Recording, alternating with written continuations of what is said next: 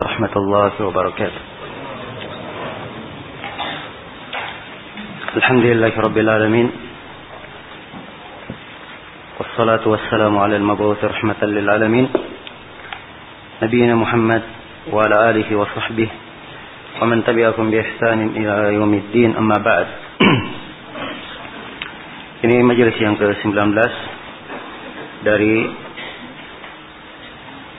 pembahasan kitab Ad-Durrul Bahiyah fil Masail al-Fiqhiyah karya Al-Imam Asy-Syaukani rahimahullahu taala pada daurah fikih di hari yang ke-5 ini. Berkata Imam Asy-Syaukani rahimahullahu taala kitab talaq At-talaq secara bahasa adalah al-hil wa raf'ul qaid. At-talaq secara bahasa adalah al-hil Al-hil artinya melepaskan. Waraf'ul qaid dan mengangkat ikatan. Iya.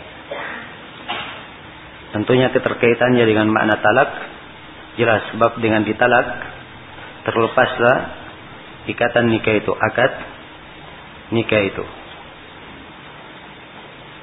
Dan secara istilah at-talaq adalah raf'u qaidin nikah fil hali awil ma'al. Bilafdin makhsusin aw ma yaqumu maqamahu. Cara istilah talak adalah mengangkat ikatan nikah fil hali pada saat itu aw fil ma'al atau pada yang akan datang. Iya Ya pada saat itu kalau dia talak langsung jatuh talaknya pada saat itu. Kalau fil ma'al kalau dia ta'lik talak itu dengan sesuatu maka kapan hal itu terlaksana maka jatuh talaknya. Bilafdin makhsus dengan lafaz yang khusus au ma maqamahu atau apa yang menduduki kedudukannya. Sebab talak itu ada dengan lafaz sharih tegas dan ada dengan lafaz apa? Kinaya dengan lafaz kinaya dan ini akan kita terangkan. Iya. Dan talak adalah suatu hal yang ditetapkan di dalam syariat kita. Perkara yang ada syariatnya atau disyariatkan dan pensyariatannya dari Al-Quranul Karim dan dari sunnah Rasulullah sallallahu alaihi wasallam dan dari kesepakatan para ulama. Adapun dari Al-Qur'an banyak ayat yang menunjukkannya. Di antaranya firman Allah Subhanahu wa taala, "Ya ayuhan nabiyyu idza talaqtumun nisaa fatalliquhunna li'iddatihinna."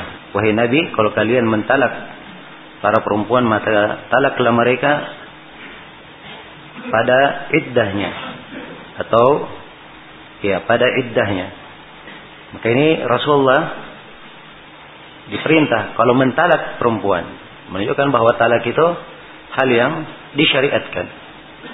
Ya. Jadi beliau diperintah kalau mentalak perempuan maka talaknya ada pada iddahnya. Ya. Demikian pula firman Allah Subhanahu wa taala kepada para kaum mukminin ya ayyuhalladzina amanu idza nakahtumul mu'minati thumma talaqatumuhunna min qabli an tamassuhunna fama lakum alaihinna min iddatin ta'taddunaha wahai orang-orang yang beriman kalau kalian menikahi para perempuan para perempuan mukminat kemudian kalian mentalak mereka. Ya perhatikan kemudian kalian apa? Mentalak mereka. Kemudian ditunjukkan bagaimana ketentuan iddahnya.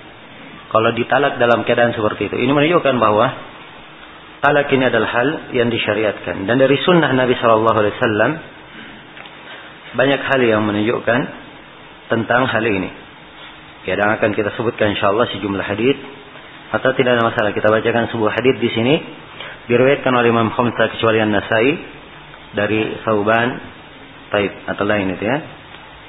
Uh, akan datang pembahasannya. Iya. Baik akan kita baca beberapa hadis yang menjelaskan tentang ketentuan talak. Dan ini menunjukkan bahwa dia adalah hal yang disyariatkan. Kemudian hal ini adalah hal yang disepakati oleh para ulama. Hal yang disepakati oleh para ulama. Apa hukum talak itu? Apakah dia wajib, sunnah, makruh atau bagaimana? Ya. Jumhur ahli fikih menyebutkan bahwa talak itu hukumnya berbeda tergantung atau berbeda sesuai dengan keadaan dan maksud dari talak itu. Maka talak itu kadang menjadi wajib hukumnya, kadang menjadi sunnah, kadang adalah mubah dibolehkan, kadang hukumnya adalah makruh, dan kadang dia adalah hal yang diharamkan. Kadang dia adalah hal yang diharamkan. Iya. Talak itu menjadi wajib pada kondisi al-ila. Dan akan diterangkan nanti pembahasan ila.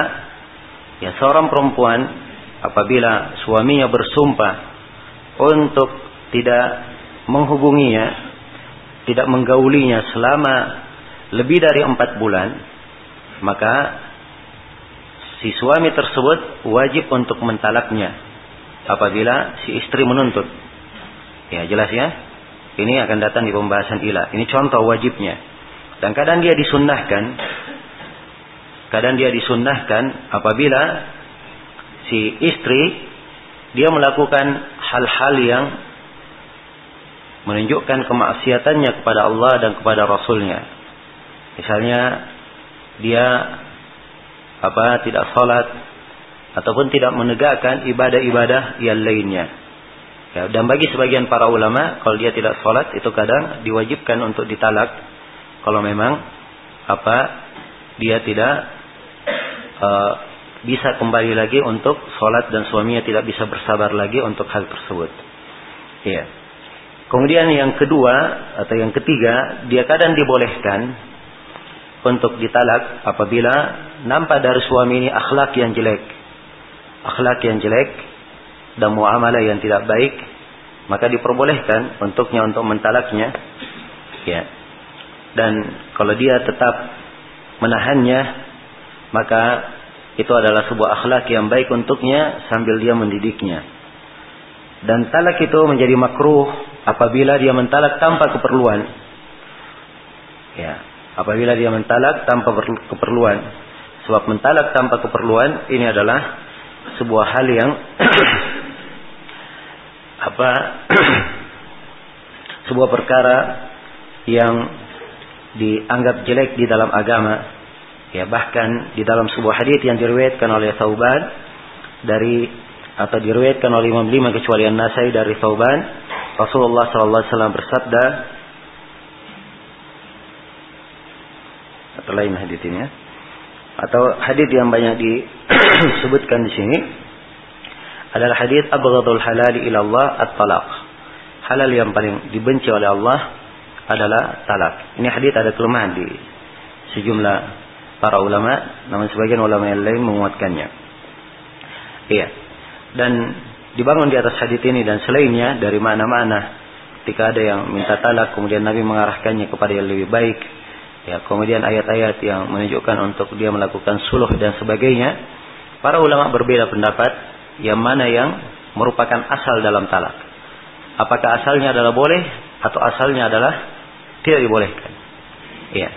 Dan mengatakan bahwa asalnya tidak dibolehkan ini lebih kuat sebab memang asal dari nikah adalah untuk uh, terus menerus untuk berkelanjutan.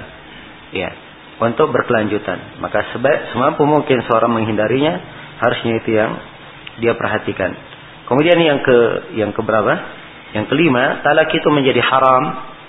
Talak itu menjadi haram apabila talak tersebut dilakukan ya dalam kategori talak bid'i. Talak apa? Talak bid'i dan talak bid'i ini akan kita terangkan di pembahasan insyaallah. Ya, apa yang disebut dengan talak bid'i? Sebab ada talak yang disebut talak sunni sesuai dengan sunnah tidak ada talak bid'ah yang tidak sesuai dengan sunnah.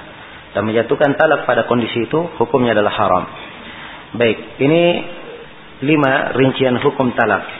Dan sekali lagi talak itu adalah hal yang ada tuntunannya di dalam syariat kita. Perkara yang disyariatkan dan pada talak ini ada hikmah yang zahir, hikmah yang nampak. Dan dia salah satu keindahan dari keindahan agama yang agung ini. Dan terdapat di dalamnya penyelesaian masalah antara suami istri kalau memang diperlukan ya pada talak tersebut. Karena itu Allah berfirman, "Fa imsakun bima'rufin aw tasrihun bi ihsan." Kalau terjadi talak itu apakah dia tahan dengan ma'ruf atau tasrih bi ihsan? Ya, dan Allah berfirman, "Wa iya tafarraqa yughnillahu kullam min sa'atih." Wa kana Allahu wasi'an hakima. Dan kalau keduanya berpisah, ya, maka Allah akan memberikan kecukupan pada setiap dari keduanya dari kelapangan di sisi Allah. Dan sungguh Allah Maha luas lagi Maha bijaksana. Maha luas lagi Maha bijaksana. Sebab kalau pada pernikahan tidak lagi maslahat memberikan bahaya ya seorang istri misalnya tinggal bersama suaminya membahayakannya atau suami ya akan menjadi berbahaya kalau dia bersama istrinya ya kalau misalnya salah satunya rusak akhlaknya kemudian apa e, memberikan dampak negatif kepada yang lainnya maka di dalam talak ini ada penyelesaian dan ada jalan keluar. Ada penyelesaian dan ada jalan keluar. Karena itu kita melihat ke sejumlah negara-negara kafir yang melarang dari talak ini, ya, yang tidak membolehkan talak, talak atau ya sangat apa memperketat hukum talak tersebut, ya didapatkan dari mereka berbagai kerusakan, ya dari bentuk bunuh diri, ya dari bentuk perzinahan, dari bentuk selingkuh dan selainnya dari perkara-perkara yang diharamkan di dalam syariat dan menghilangkan kemaslahatan di tengah manusia yang sedang mereka hadapi maupun yang akan datang. Maka syariat talak ini adalah hal yang kalau ditempatkan pada tempatnya dia termasuk perkara yang nampak di dalamnya keindahan dan apa kebaikan dari agama kita ini. Baik. Kemudian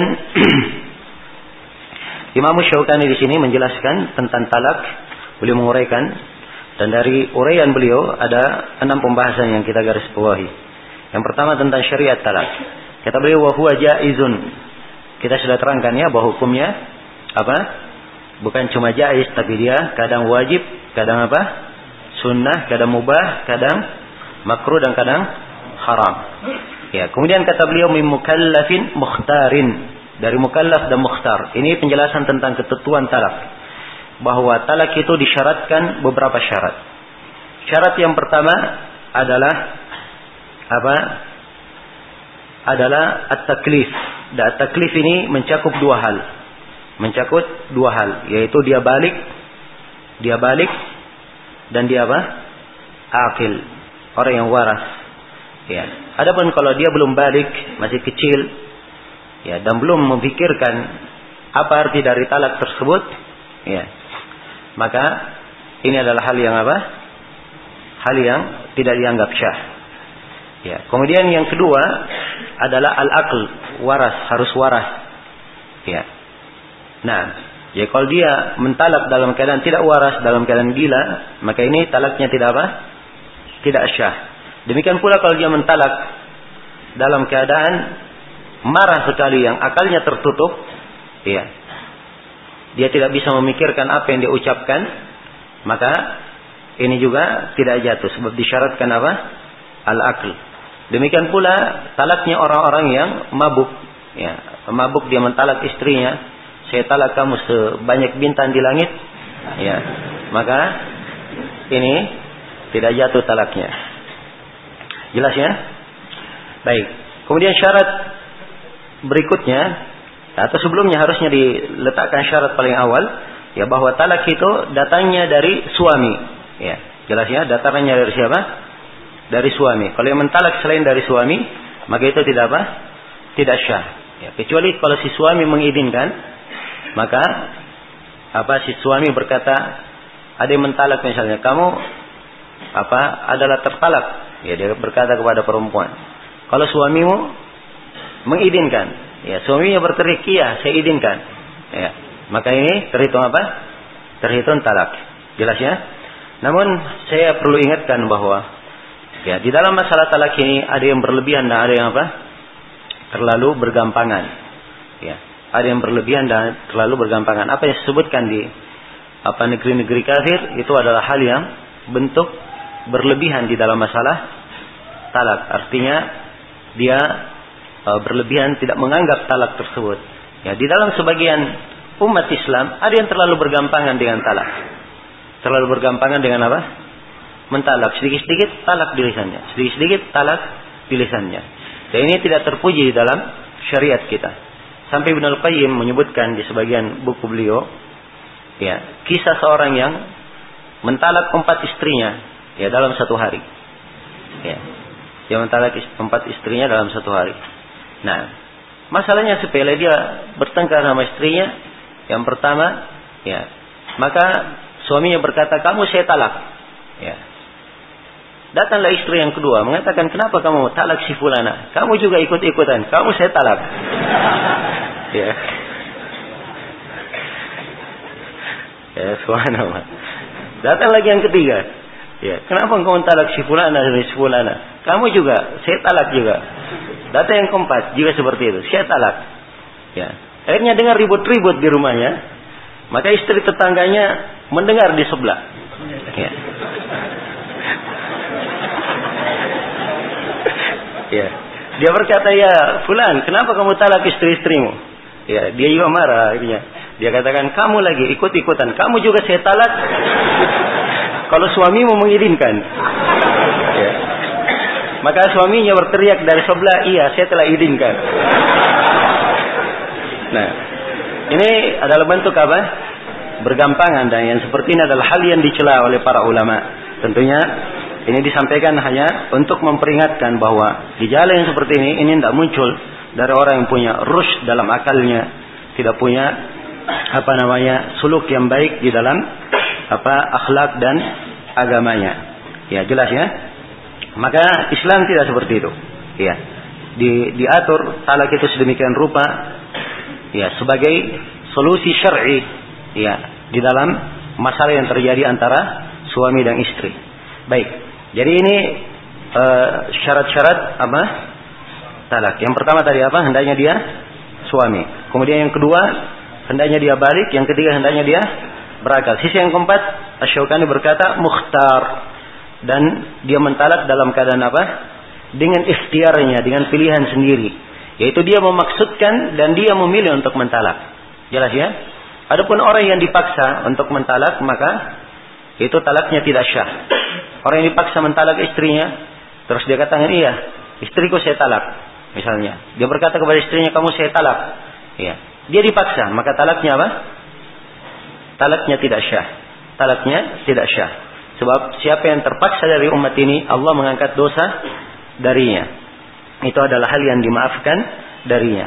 Jadi harus dimaksudkan dan dia memilih untuk mentalaknya. Jadi ini empat ketentuan ya talak tersebut. Karena itu Asyukani rahimahullah berkata mukhtar, mukallafin mukhtar. Dan kita sudah rinci semuanya ada berapa? Ada empat syarat talak itu. Jelas ya? Kemudian yang ketiga, pembahasan yang ketiga bagaimana dengan talak bermain-main? Apakah jatuh atau tidak? Ya, kata Syukani walau hazilan, walaupun dia main-main. Walaupun dia apa? Main-main. Ya. Nah, walaupun dia main-main.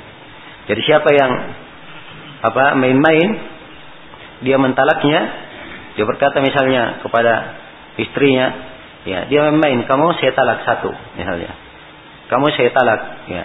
Padahal dia cuma main-main. Apakah ini terhitung jatuh? Asyukani berpendapat, iya, dia terhitung jatuh. Ya, dan di dalam masalah ini para ulama berbeda pendapat dibangun di atas hadis Abu Hurairah yang diriwayatkan oleh Imam Lima kecuali At-Tirmidzi di mana disebutkan bahwa Rasulullah SAW bersabda salatun jidduhunna jid wa hazluhunna jid an-nikahu wa talaku wa raja'ah ya. Dikatakan tiga perkara sungguh-sungguhnya dihitung sungguh-sungguh. Dan main-mainnya dihitung sungguh-sungguh. Ya. Tiga perkara ini apa? Adalah nikah talak dan raja rujuk. Ya nikah, talak dan apa? Dan rujuk. Nah, ya. Baik, ini hadis bagi siapa yang mensahihkannya, maka dia mengambil ya mana yang disebut oleh Syaukani di sini.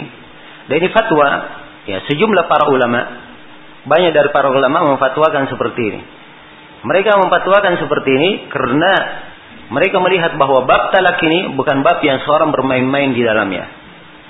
Bukan hal yang seorang bermain-main di dalamnya. Jelas ya? Sehingga Kalaupun dia bermain-main di dalamnya itu dihitung satu talak, dihitung jatuh talak sebagai hukuman karena dia bermain-main dengan apa? Dengan lafaz syar'i. Ya, dan sebagian para ulama yang lainnya menganggap bahwa hal tersebut tidak jatuh talak dan mereka berdalilkan dengan ayat wa in azamut talaqa fa sami'un alim dan kalau mereka berazam untuk talak maka disyaratkan harus ada apa? Harus ada azam, kesungguhan kalau dia main-main maka tidak apa? Tidak terhitung. Ya. Maka bagi siapa yang berpendapat dengan hadis ini atau dengan ayat ini dia berpegang dengan ayat dan dia kompromikan dengan hadis, maka dia katakan bagi siapa yang mengucapkan kalimat talak itu ya dan dia bersungguh-sungguh maka itu yang terhitung talak. Kalau dia tidak bersungguh-sungguh tidak terhitung tapi ini adalah hal yang salah, keliru sebab apa namanya? ya Nabi Shallallahu Alaihi Wasallam ya membahasakannya bahwa bermain-mainnya juga dihitung bersungguh-sungguh. Ini untuk menunjukkan bahwa masalah talak ini bukan adalah bukan hal yang dianggap main-main. Jelas ya? Ya. Dan saya ingatkan dari awal di sini, karena saya sebutkan dua pendapat, sebutkan begini dalam masalah talak, itu adalah hal yang apa? Kadang dibahasakan dengan pembahasan ilmiah. Ya, ini teori semuanya. Jelas ya? dan harus harus disampaikan bahwa permasalahan berkaitan dengan masalah talak ya dengan masalah uh, apa namanya dia rujuk dari talaknya kemudian masalah akad nikah ini dari masalah-masalah terkait dengan peradilan terkait dengan apa dengan peradilan karena itu kejadian-kejadian khusus yang terjadi antara suami istri itu bukan ditanyakan ke mufti ya kepada orang yang memberikan fatwa atau orang yang memberikan nasihat, tapi dia diselesaikan di mana? Di pengadilan, ya. Karena itu yang kita lihat dari uh, samt dan etika dari para ulama kita, ya, apakah itu uh, seperti Mufti Saudi Arabia sekarang ini ataupun Syekh Shalal Fauzan, Syekh Abdul Gudayan dan lainnya dari ulama besar, ya, juga Syekh Abdul Musin Al-Abbad dan selainnya kalau mereka ditanya tentang ya seorang lelaki berkata kepada istrinya begini, ya, kamu talak, apakah ini terhi, uh, terus begini, apakah hukumnya? Maka biasanya syekh itu menjawab, ini pertanyaan dibawa ke mahkamah. Nanti di sana qadhi yang melihat dan menjatuhkan apa? Menjatuhkan hukumnya. Ya, sebab kalau dijawab di majelis ini tidak cukup sebab kadang ya ya harus dilihat bagaimana keadaan orang yang menjatuhkan talak itu afal-afatnya di sana di mahkamah dirinci kemudian setelah dibangun di atas rincian dan kepastian di situlah dibangun apa hukum tentang talak tersebut dia jatuh talak atau tidak Jelas sampai sini? Iya. Kemudian adanya jatuh talak ini tentunya dia mempunyai memberikan pengaruh hukum-hukum yang lainnya berkait terkait dengan catatan pernikahan di di pemerintahan. Iya. Sebab ini juga adalah hal yang ditertibkan dan diperhatikan di dalam syariat kita. Ya. Maka uh, ini hendaknya menjadi etika atas setiap ikhwah ya bahwa tidak semua pertanyaan itu layak ditanyakan kepada ustadz siapa pun. Ya, kalau memang pertanyaan itu berkaitan dengan hal-hal tertentu yang memang kaitannya adalah di peradilan atau di dalam masalah khusuma ataupun di masalah yang lainnya. Beda kalau dia minta nasihat, minta fatwa atau minta apa namanya keterangan, minta pembahasan ilmiah, tidak ada masalah dia tanyakan kepada siapa pun dari orang-orang yang berilmu. Tapi kalau masalah-masalah yang berkaitan dengan khusuma, masalah peradilan dan seterusnya, ini lain pintunya. Jelas ya? Maka harus dibedakan antara dua hal ini. Ini yang banyak terjadi kerancuan sehingga menimbulkan berbagai problem. Karena tidak membedakan antara masalah fatwa dan masalah al-qadha. Ya. Masalah fatwa dan masalah apa? Al-qadha. Kalau qadha itu ketentuan harus terlaksana. Ya. Misalnya dalam masalah ini ada dua pendapat. Di pengadilan diputuskan dengan pendapat A. Ya, orang yang diadili berpendapat dengan pendapat B. Dia tidak boleh mengatakan saya pendapat saya B, saya tidak mau ikut keputusannya si hakim. Tidak. Kalau qada harus dia terima keputusan dari hakim. Ya, dia sependapat dengan itu dari sisi hukum syariat atau tidak, Kapan hakim sudah menjatuhkan hukum, itu yang harus apa? Dijalani. Kalau dia katakan dia terhitung talak, maka dihitung apa? Dihitung talak. Jelas sampai sini? Ya. Beda dengan fatwa. Fatwa itu hanya sekedar apa? Sekedar uh, anjuran atau sekedar nasihat. Ya, sebatas itu saja bukan hal yang apa dipastikan pada seseorang. Ya. Bukan hal yang dengannya langsung diambil. Ya. Jelas sampai sini?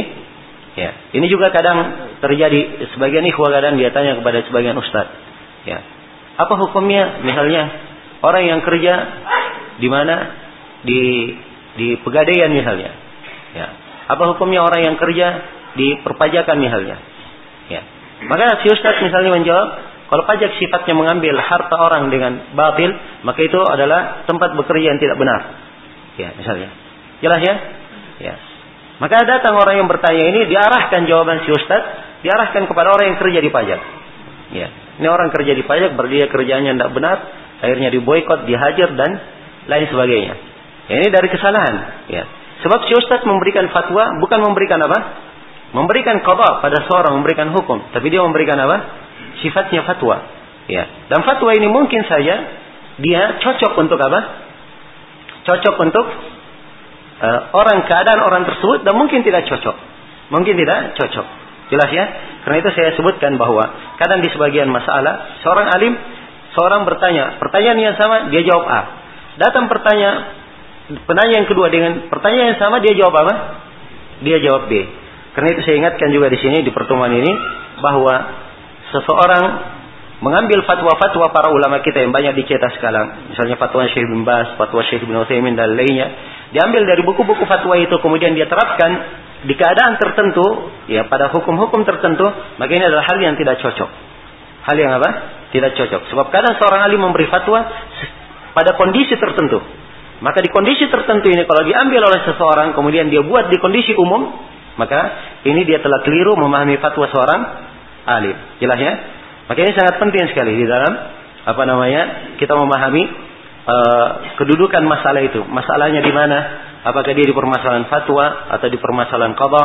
Ya, apakah dia adalah hal yang hendaknya diselesaikan dengan cara melalui pengadilan atau bisa dengan cara di mana nasihat dan fatwa dan kalau seorang menjawab dengan sebuah pertanyaan Apakah itu jawaban hukum pada orang tertentu atau dia adalah sifatnya umum? Ini semua adalah hal yang penting untuk diperhatikan. Penting untuk diperhatikan. Baik. Tidak memperhatikan hal-hal yang seperti ini, inilah yang menyebabkan sering kadang terjadi keributan di kalangan sebagian orang. Ya, wallahul musta'an. Baik, saya kembali. Ya, kita sekarang sudah apa? E, menjelaskan tentang permasalahan yang ketiga, talak secara bermain-main. Ya. Kemudian kata Syaukani rahimahullah, ini pembahasan yang keempat, syarat-syarat talak yang sesuai dengan sunnah. Ya. Jadi beliau berkata talak ini boleh, bagaimana bentuk bolehnya? Liman kanat fi tuhurin lam yamassaha fihi. Ya, jadi dia boleh mentalak pada perempuan, ya, dia talak perempuan fi tuhurin dalam masa sucinya. Masa suci yang dia belum menyentuhnya di situ. Maksudnya dia tidak berhubungan suami istri, ya. Dia tidak berhubungan dengan istrinya di masa suci tersebut. Di masa suci tersebut. Jelas ya? Ini ketentuan pertama. Jadi sini diterangkan tentang syarat talak sunni. Ya, talak yang sesuai dengan sunnah itu, ya ketentuan yang pertamanya perempuan itu ditalak di apa? Di masa apa? Di masa suci. Di masa apa? Suci. Iya.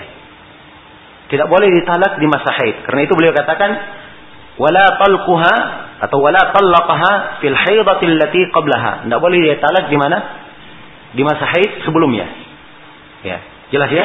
Ya kalau dia haid di situ tidak boleh dia talak di mana dalam keadaan haid.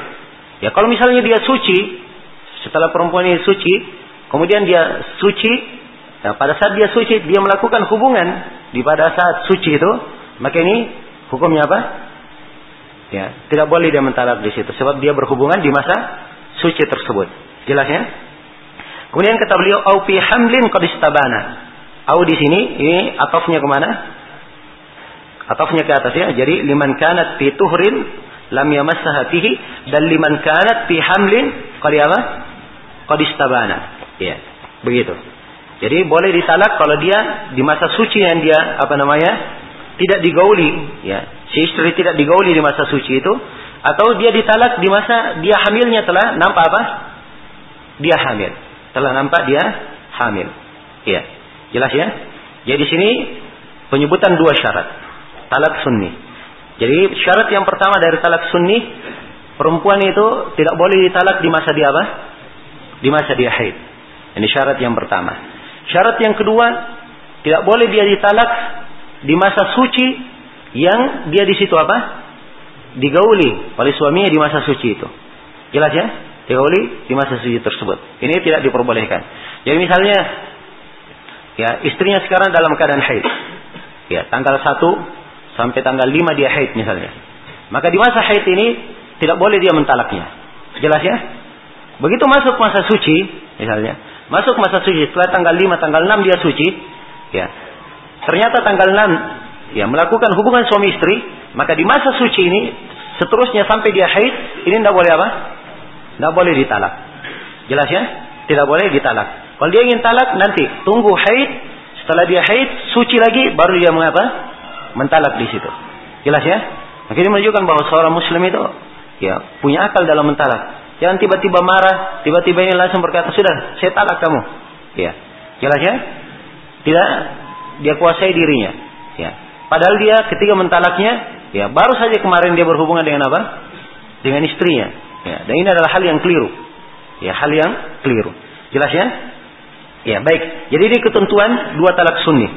Ya, kalau ingin mentalaknya bukan pada masa haid, ketentuan yang kedua di masa suci, tapi dia belum apa? Tidak menggauli istrinya di masa suci tersebut. Ya, dan ada ketentuan yang ketiga, ini akan disebutkan bahwa talaknya itu dia harus mentalak satu kali saja. Tidak boleh dikatakan kamu saya talak dua atau saya talak tiga. Ya, tapi kalau dia mentalak satu kali saja, kamu apa? Talak. Ya, kalau dia mentakid, kamu talak satu misalnya. Jelas ya? Ini ketentuan yang ketiga dari talak apa? Talak sunni. Iya. Kapan dia menyelisih hal ini? Maka dia telah melakukan talak apa? Talak bid'i, talak bid'ah. Ya, dalilnya apa tentang hal ini adalah hadis Ibnu Umar radhiyallahu taala anhu. Iya. Ibnu Umar beliau mentalak istrinya annahu talaqa imra'atahu wa hiya haid. Ibnu Umar mentalak istrinya dalam keadaan istrinya itu haid. Fadukira dalika atau fadakara dalika Umar lin Nabi sallallahu alaihi wasallam. Maka Umar ya menyebutkan hal itu kepada Nabi sallallahu alaihi wasallam. Faqala ya perhatikan ya. Ya, bukan Ibnu Umar yang menyebutkan ke Nabi, tapi siapa? Umar ayahnya. Ya. Ini menunjukkan perhatian anak itu walaupun dia sudah menikah, ya bukan artinya oh, sudah menikah sudah lepas. Tidak diperhatikan lagi tetap diarahkan agamanya dan kebaikannya. Ya. Maka Nabi Shallallahu Alaihi Wasallam berkata, murhu fal yuraji'ha, thumma tahiran au hamila. Ya. Perintah dia supaya dia rujuk kepada istrinya. Ya. Dia rujuk kepada istrinya, kemudian dia mentalaknya. Mentalaknya dalam keadaan suci atau dalam keadaan apa? Atau dalam keadaan hamil. Iya. Jelas ya? Nah, ini konteks apa? E, di salah satu konteksnya seperti itu. Ada ri, riwayat yang lebih merinci, ya. Jadi ketika Umar men menyanyikan hal tersebut, Nabi berkata, "Murhu falyurajiha." Perintah dia supaya dia rujuk kepada apa? Istrinya. Tsumma hatta tatuhur. Kemudian hendaknya dia pegang istrinya, maksudnya dia tahan, jangan dia talak sampai dia suci. Hat thumma tahid. Sampai dia suci, kemudian haid lagi. Jelas ya?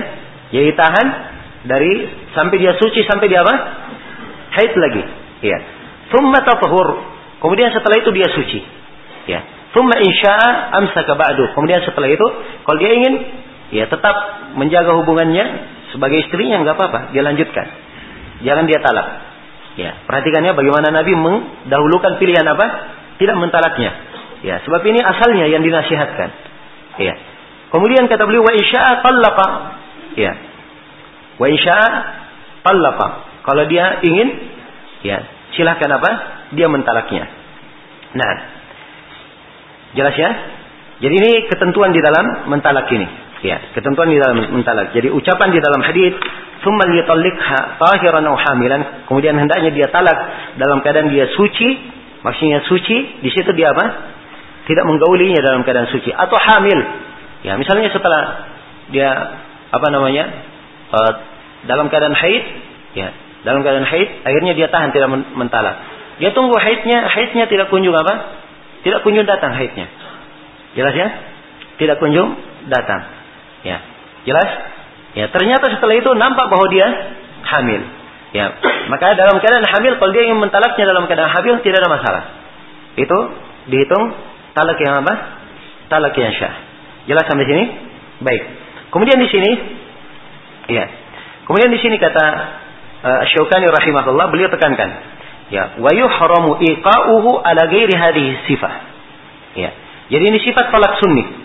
Ya. Sifat apa? Tolak apa? Tolak sunni. Jadi talak sunni seperti itu. Ya. Jadi ketentuan talak sunni dia talak di masa sucinya. Ya. Di masa suci yang dia tidak menggaulinya, kemudian tidak boleh ditalak di masa apa? Di masa haidnya. Nah, tidak boleh ditalak di masa haidnya. Jadi dia di masa suci yang pertama, yang kedua dia tidak menggaulinya di masa suci tersebut. Tidak menggaulinya di masa suci tersebut dan tidak boleh mentalak di masa haid. Iya. Nah, ini dua ya dan kita sebutkan bahwa dari syarat talak sunni juga tidak boleh talak apa lebih dari sekali. Dan ini akan kita bahas akan datang ucapan Asy-Syaukani. Jadi selain dari sifat ini itu tidak diperbolehkan. Selain daripada sifat itu tidak apa? Tidak diperbolehkan. Iya. Jadi kalau dia mentalak ya di masa haidnya maka itu adalah talak apa? Talak bid'i. Iya. Kalau dia mentalak di masa suci yang dia berhubungan dengan istrinya di masa suci itu, maka ini dihitung talak apa? Talak bid'i. Ya, kalau dia mentalak istrinya, dia katakan kamu saya talak tiga misalnya, maka ini talak apa? Talak bid'i. Kalau dia berkata kepada istrinya kamu talak, talak, talak. Ya, ini talak apa?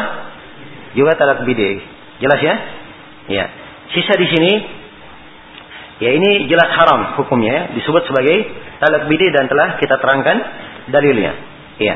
Sekarang di sini Syaukani berkata wa fi wuqu'ihi wa wuqu'i ma fawqa al-wahidah min duni takhallulin min duni takhalluli raja'atin khilafun war rajih adamul wuqu'. Ya, sekarang beliau menjelaskan. Nah, dan pada kalau misalnya dia talak, ya tadi ini di kejadian Ibnu Umar, Ibnu Umar sudah terlanjur mentalak istrinya, ya kan? Sudah terlanjur apa? Mentalak istrinya. Sekarang talaknya ini dihitung jatuh talak atau tidak? Ya. Nah, di sini kata Syukani, dia dihitung jatuh talak atau tidaknya ini ada silam pendapat. Demikian pula masalah yang kedua, masalah kalau dia mentalak lebih dari sekali. Apakah dihitung jatuh talak atau tidak? Dihitung jatuh talak sekali saja atau dihitung jatuh talak apa? Dihitung jatuh talak dua. Kalau dia berkata saya talak tiga, dihitung jatuh talak tiga atau dihitung satu? Ya, ini dua masalah ya kita ingin pertegas di sini. Ya. Jadi untuk talak dengan apa?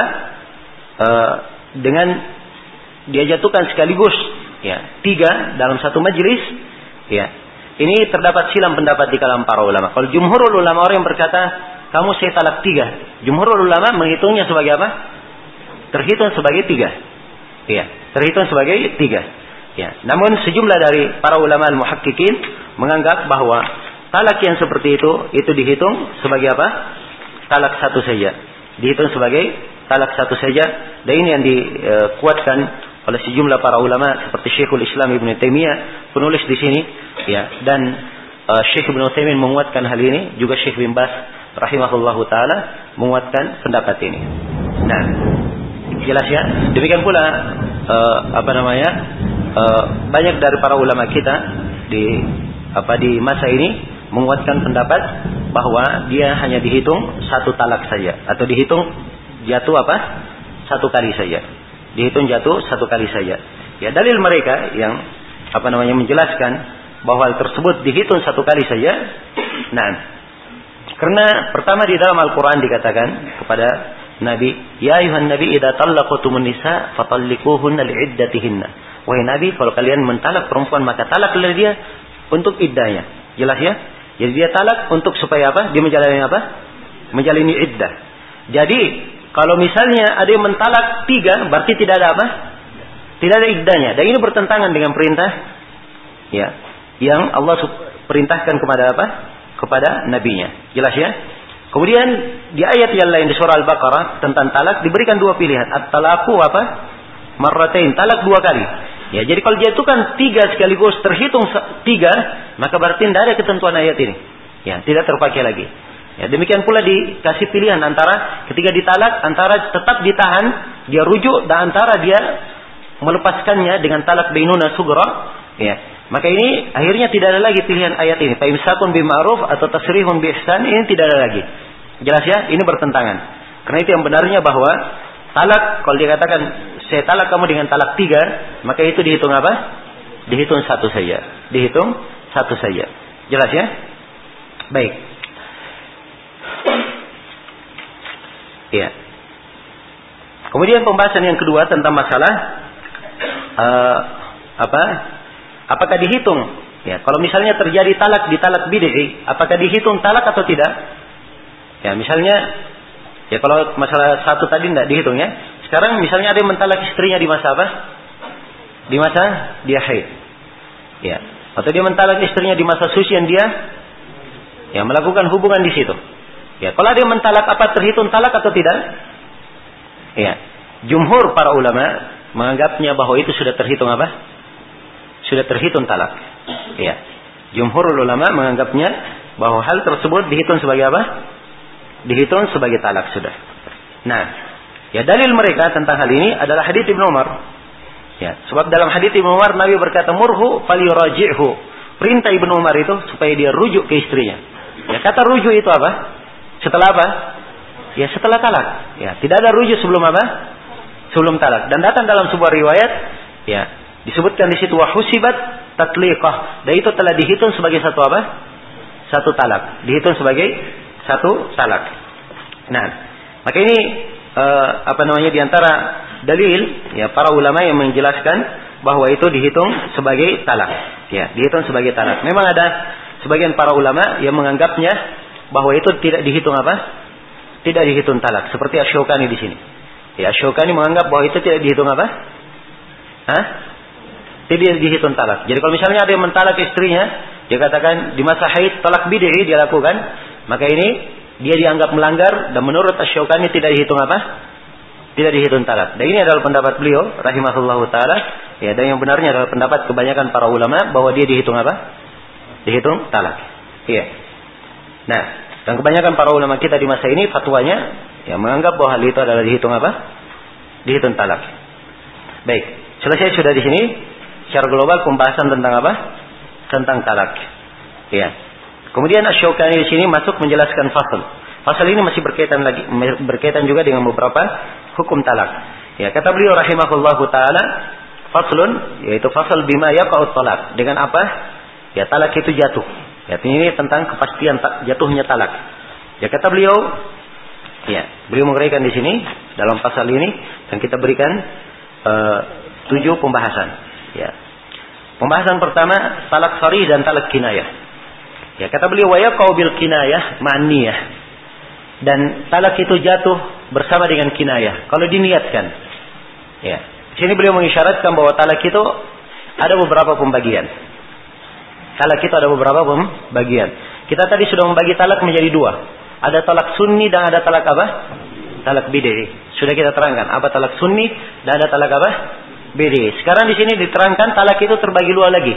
Dari sisi sigah, ya apa namanya lafaz mentalaknya. Ada talak sarih dan ada talak apa? Talak kinayah. Ada talak sarih dan ada talak kinayah. Nah, ini akan diterangkan di sini oleh Syaukani. Dan ada pembagian yang lainnya. Ya, ada talak disebut dengan nama talak raj'i dan ada disebut dengan nama talak apa? Talak bain. Ya, disebut dengan talak bain. Ya, kalau talak raj'i itu adalah talak masih di talak satu dan talak apa? Talak dua. Ya, kalau talak bain itu kalau dia mentalak di talak keberapa? Talak tiga bagi orang yang apa? Bagi orang yang bebas. Kalau budak talak keberapa? Talak kedua sebagaimana yang telah lalu. Ya, sebab budak hanya bisa mentalak sampai berapa? Dua kali. Jelas ya, kalau haknya dari talak di terakhir sudah di talak tiga, maka itu sudah talak apa? talak bain. Nah, di sini saya perlu bedakan antara bainuna as-sughra dan bainuna apa? Al-kubra. Iya. Sebab kadang uh, ini sebagian ikhwah bingung di sini. Ya, ada bain namanya di situ dihitung sebagai bainuna apa? Bainuna sughra. Ya, jadi kalau misalnya seorang perempuan ditalak, talak satu. Ya, kamu saya talak misalnya. Ya. Maka perempuan ini punya iddah berapa? Perempuan yang haid, dia ditalak. Dia punya iddah apa? Ya.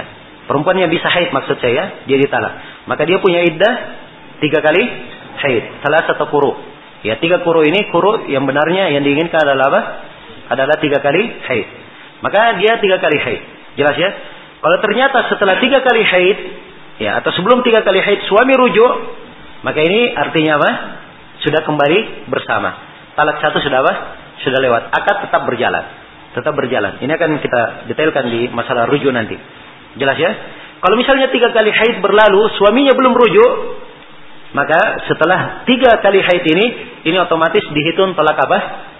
Tolak bain sudah. Tapi bainnya bain apa? Bain sugra. Bain sugra. Ya kenapa dikatakan sugra?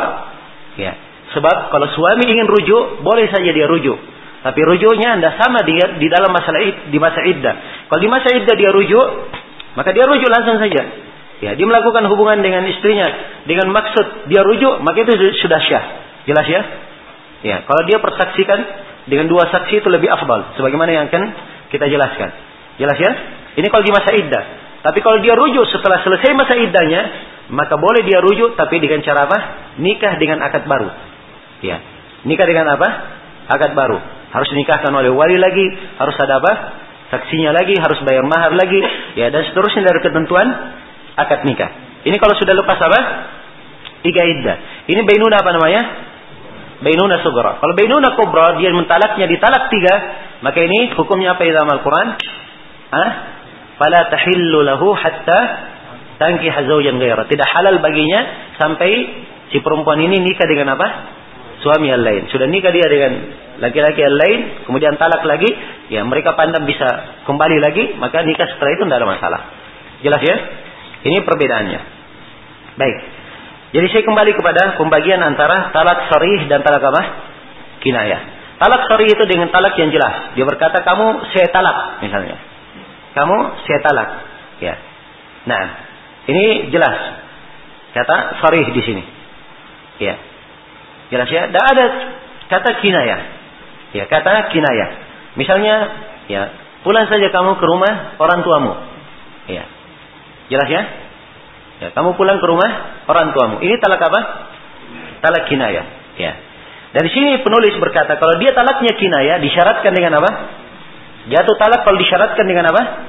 Ya, dengan niat. Ya, maka harus ada niatnya. Sebab kinayah ya, ya mungkin dikinayakan, mungkin seperti ya apa adanya. Jadi kalau misalnya dia kata pulang kamu ke rumah orang tuamu, dia marah-marah pulang ke rumah orang tuamu, ya maksudnya dia suruh pulang dalam artian apa? Ya, ya sekedar ini apa sekedar pulang saja. Ya jelas ya bukan dia mentalaknya. Dia tidak maksudkan mentalak, tapi dia apa? Ya dia tidak ingin sekarang ribut-ribut sama istrinya. Begitu misalnya maksudnya. Walaupun suami ini salah dalam keadaan seperti ini, tidak boleh istri itu disuruh pulang. Ya jelas ya. Walaupun dia sudah ditalak, tidak boleh disuruh pulang. Dia ini termasuk kesalahan orang-orang yang mentalak. Ya, Seakan-akan kalau istri sudah talak, kamu saya sudah jatuhkan talak, sudah langsung disuruh bungkus pakaiannya pulang. ya, tidak boleh. Ya, jelas ya? Karena itu disebutkan di dalam ayat, "Fala tukhrijuhunna min buyutihinna wa la yakhrujuna illa ayatina bifahishatin mubayyinah." Tidak boleh dia disuruh keluar, tetap di masa iddah, tetap di rumahnya. Ya. Dan inilah faedahnya kenapa tetap di rumah. Ya, jelas ya? Ya. Tetap dia di rumah, tetap sama-sama sebab dia masih status apa? Status istri, ya. Kalau misalnya suatu hari, ya Allah Subhanahu wa taala yang menghendaki ada kejadian yang menyebabkan dia rujuk, maka ya dia bisa rujuk lagi dan mungkin saja akan berubah keadaan setelah itu menjadi lebih baik dan lebih baik. Ya, jelas ya. Mungkin si istri sudah uh, jerah juga di talak, ya. Dan mungkin si suami juga sudah jerah berpisah dengan apa? Istrinya. Ya, jelas ya. Karena itu disebutkan Allah yuhditsu ba'da dzalika amra. Barangkali Allah mengadakan perkara setelah itu. Ya, jelas ya? Baik. Jadi kinaya ini disyaratkan kalau kinaya dia harus dengan apa? Hah? Harus dengan niat. Ya, karena itu ya di dalam hadits Aisyah yang diriwayatkan oleh Imam Al-Bukhari disebutkan tentang Ibnul Jaun ya, atau Bintul Jaun ya al, al apa al-Kilabiyah Bintul Jaun ini ya dia dinikahi oleh Nabi jelas ya dinikahi oleh Nabi ya ada kisahnya ya panjang dalam hal ini yang jelas akhirnya perempuan ini berkata ketika kepada Rasulullah ketika Rasulullah masuk kepadanya a'udzu billahi minka ya saya berlindung kepada Allah daripada kamu dia berkata begitu kepada Nabi maka Nabi Shallallahu Alaihi Wasallam berkata kepadanya, "Laqad udti bi azim, ilhaqi bi ahliki." Ya, sungguh kamu telah berlindung dengan Allah yang Maha Agung. Ya. Karena dia berkata, billahi minka." Maka kata Nabi, "Ilhaqi bi ahliki." Pulanglah kamu ke keluargamu. Ya. Kalimat ini ilhaqi bi ahliki, pulanglah kamu ke keluargamu. Ini kalimat apa? Ini kalimat talak. Jelas ya? Kalimat talak. Perhatikan lafadznya. Tapi di dalam hadis Ka'ab bin Malik tentang kisah beliau takhalluf, ya, jadi ringkas ceritanya, ketika Nabi Shallallahu Alaihi Wasallam perintah, ya, uh, apa namanya sudah di hari ke-40 Ka'ab bin Malik dihajar, ya, hari ke-40-nya Nabi perintah lagi dengan perintah baru, ya, dengan perintah baru bahwa hendaknya kamu menjauhi apa istrimu, ya, menjauhi istrimu. Maka Ka'ab bin Malik bertanya, ya Rasulullah, Utallikuha amma daf'al. Saya talak dia atau bagaimana yang saya lakukan? Kata Nabi, bal i'tazilha, fala taqrahha. Ya, kamu jauhi saja, jangan kamu dekati, bukan ditalak. Maka Ka'ab bin Malik berkata kepada istrinya, "Ilhaqi bi ahliki." Pulanglah kamu kepada apa? Keluargamu. Ini dihitung talak atau tidak? Ya, tidak dihitung talak. Sebab Ka'ab Malik memang hanya menjalankan perintah Nabi, tidak ingin apa? Mentalaknya. Ini kalimat kinayah. Ya, jelasnya digunakan dengan niat talak maka dia jatuh apa? Jatuh talak. Kalau dia tidak niatkan maka dia tidak jatuh talak. Jadi ini ucapan Asy-Syaukani rahimahullah ya dengan kinaya terhitung jatuh talak. Kemudian kata beliau wabit takhiri idza ikhtaratil furqah. Demikian pula terhitung talak kalau dikasih pemilihan. Ya, dikasih pemilihan. Ya. Misalnya dikasih pemilihan oleh suaminya. Ya, kamu saya beri pilihan. Ya. Kamu saya talak atau kamu tetap bersama saya? Ya. Ternyata si istri memilih sudah. Kalau begitu saya memilih talak. Ya, maka pada saat dia memilih talak sudah terhitung apa? Jatuh talak. Ya, dalilnya adalah hadis Aisyah dalam As-Sahihain. Ya, disebutkan oleh Aisyah khayyarana Rasulullah sallallahu alaihi wasallam fakhtarnahu. Ya. Fakhtarnahu. Ya, Nabi sallallahu alaihi wasallam memberikan pilihan kepada kami. Ya memberikan pilihan kepada kami maka kami memilih beliau. Maksudnya kami memilih beliau tetap apa? Tetap ya bersama beliau. Jelas ya? Baik. Kemudian kata Syaukani rahimahullah, wa idza ja'alahu az-zawju ila ghairihi waqa'a minhu. Kalau si suami ya menjadikan talak ini kepada selainnya, ya. Kalau si suami men, apa menjadikan talak ini kepada selainnya, maka talak itu adalah apa? Adalah telah jatuh. Iya. Ini masalah taukil. Suami mewakilkan untuk apa? Mentalak. Ya, dan mewakilkan untuk mentalak ini adalah hal yang diperbolehkan. Hal yang telah hal yang diperbolehkan. Nah, ya sebab asalnya akad itu boleh diwakilkan, ditunjukkan oleh dalil-dalil umum dan khusus untuk masalah talak ini boleh diwakilkan. Ini telah diberi fatwa oleh sejumlah sahabat. Ya seperti Abu Hurairah, Ibnu Abbas, Amr bin Al-As dan selainnya. Jelas ya? dan selainnya. Iya.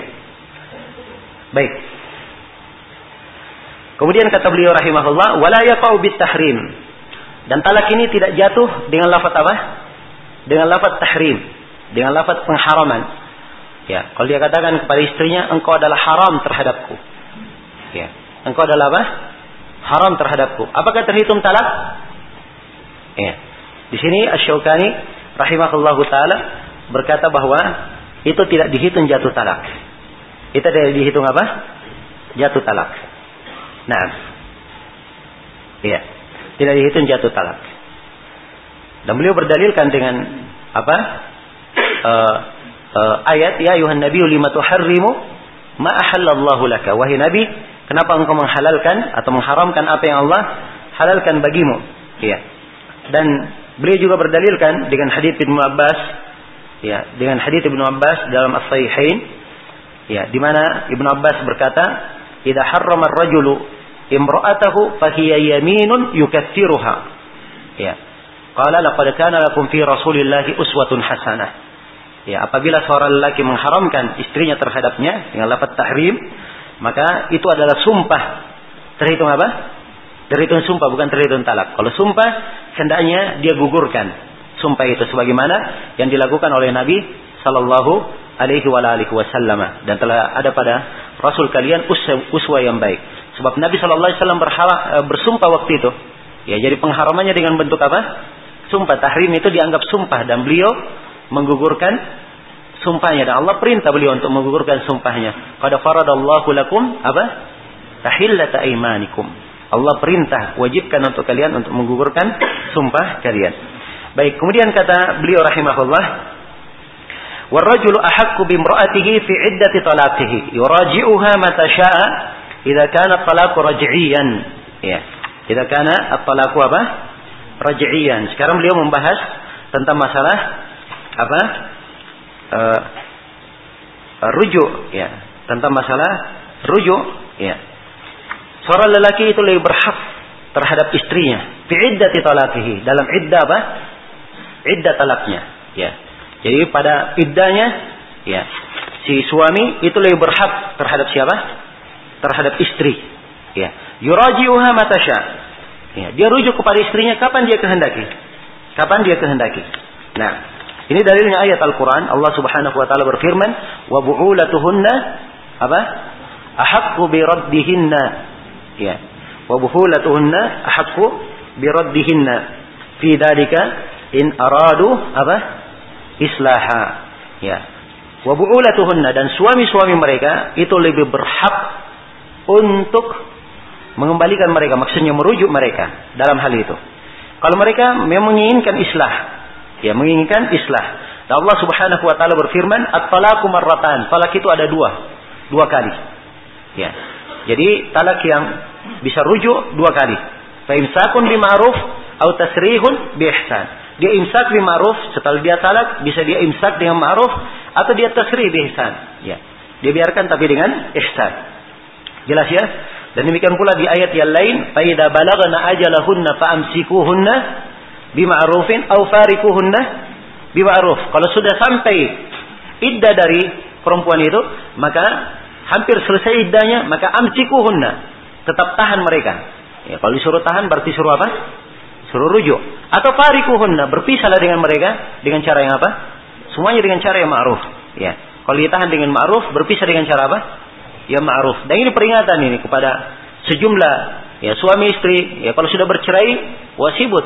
Ya istrinya menghantam suami, ya suaminya menghantam ke mana? Ya ke istrinya. Wah ini memang si Anu dulu begini, dia memang tidak bagus dan seterusnya. Ini adalah hal yang tidak diperbolehkan. Haram orang yang seperti ini. Jelas ya? Walaupun ada masalah apa yang ini, maka tidak boleh dia menyebarkan hal-hal yang dia pandang aib padanya. Ya, padahal dulunya mereka adalah sepasang arah, sepasang suami istri. Maka berpisah dengan ma'ruf. Ya, kalau dia ingin tahan, dia tahan dengan apa? Dengan ma'ruf ingin berpisah, maka dia berpisah dengan ma'ruf. Ini dalil-dalil yang menunjukkan, dalil-dalil dari Al-Quran yang saya bacakan tadi, yang menunjukkan disyariatkannya untuk apa? Untuk rujuk. Adapun dari hadis Rasulullah Sallallahu Alaihi Wasallam telah berkata kepada Ibnu Umar, ya tentang Ibnu Umar famurhu apa? Falyuraji'ha. Perintah Ibnu Umar supaya dia rujuk kepada istrinya. Dia rujuk kepada istrinya. Dan uh, uh, telah syah bahwa Nabi Shallallahu Alaihi Wasallam pernah mentalak Hafsah radhiyallahu taala anha dan kemudian Nabi setelah itu merujuk ya kepada uh, uh, rujuk darinya. Jelas ya? Maka ini dari dalil-dalil yang menunjukkan rujuk dan rujuk ini ya syariatnya rujuk pada saat talak ini adalah hal yang disepakati oleh para ulama. Ya, kalau apa talaknya belum sampai talak tiga. Ya, nah, belum sampai di talak tiga. Baik.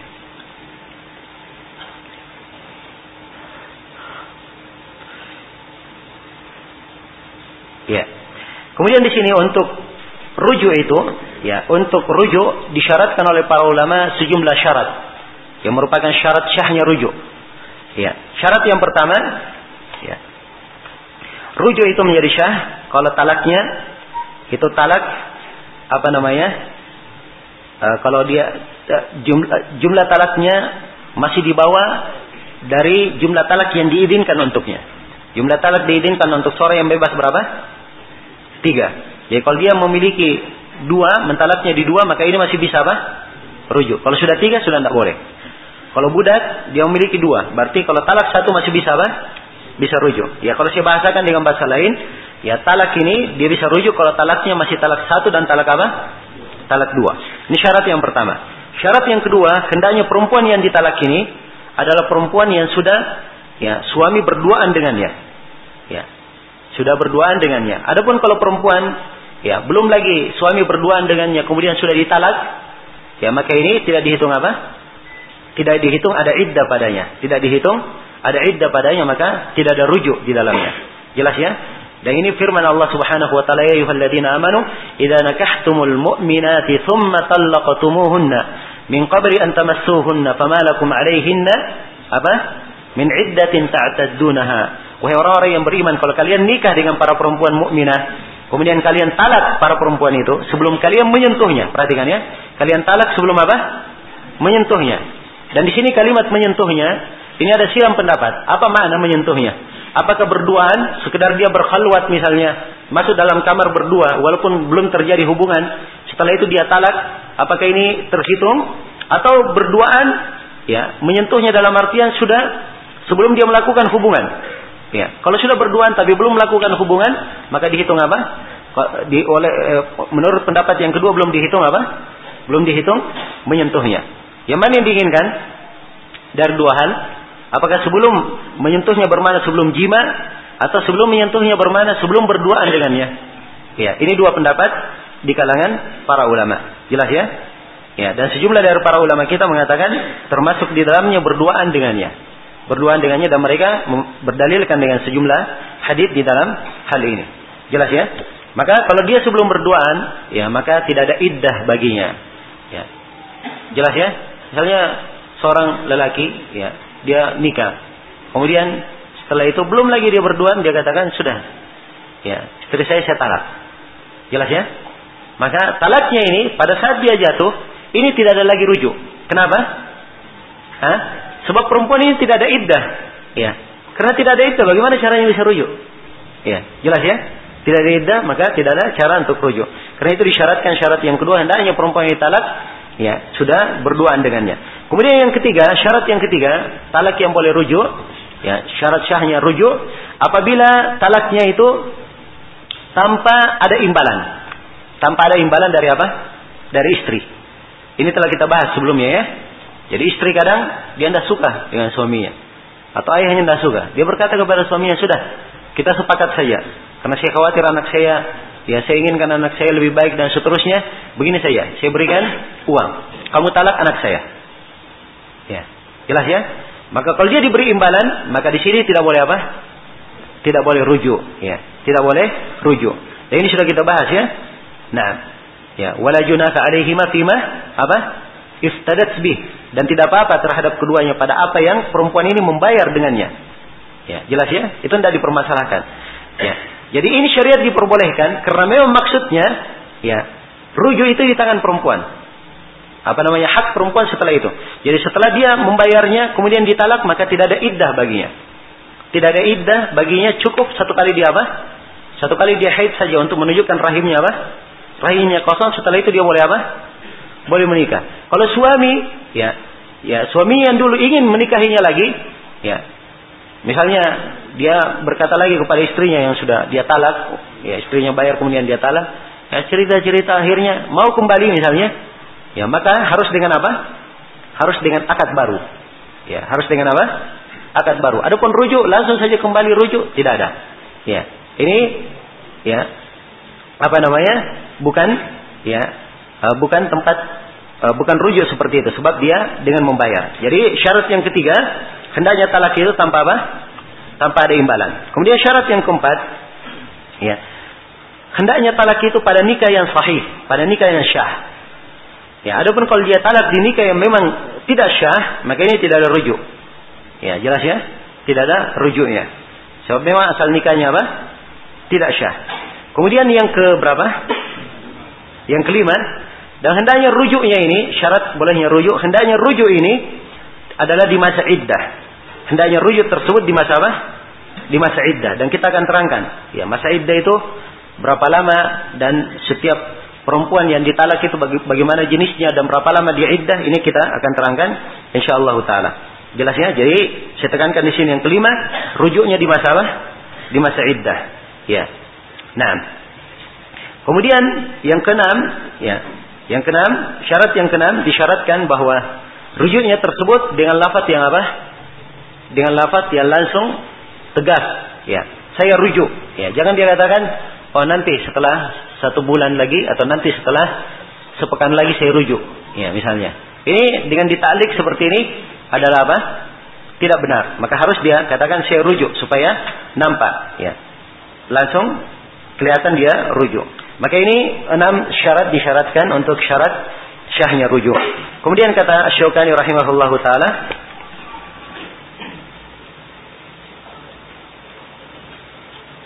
Ya. Ini sudah ya pembahasan yang keenam kita. Sekarang pembahasan yang ketujuh, hukum talak bain. Kata beliau, "Wala tahillu lahu ba'da tsalitsah." hatta tankiha zaujan gairahu dan tidak halal baginya setelah talak tiga sampai dia menikah suami yang lain ya sampai dia menikah suami yang lain. Dan ini sudah kita terangkan. Jelas sampai sini. Baik kita pindah ke pembahasan berikutnya. Kata Syaukani rahimahullah taala babul khul'i. Ya al khul ya di dhamma kha-nya. Dan bisa di fathah babul khul'i ya jelas ya? Nah al khalq kalau dia di fathah itu dari kata an-naza wa tajrid. Ya. Sesuatu yang dicabut dan dibersihkan darinya. Kalau dia, kalau dia dia maka itu adalah sebuah penamaan dari khala. Jadi kalau dikatakan khulu, berarti dia penamaan dari khal. Jelasnya? Ini secara bahasa. Adapun secara istilah, al-khulu itu adalah uh, perpisahan ya firqatun bi'iwadin maksud li jihati zauj bilafdi talaqin aw khal'in. Ya dia adalah perpisahan. Ya jadi berpisah. Bi'iwad dengan apa? Dengan iwad dengan imbalan yang dimaksudkan. Ya untuk suami. Ya dengan lafaz tolak atau dengan lafaz apa? Khulu. Ya jelas ya? Jadi ini makna khulu. Jadi khulu misalnya. Ya. Ya, secara global pembahasan tentang khulu ini. Ya bahwa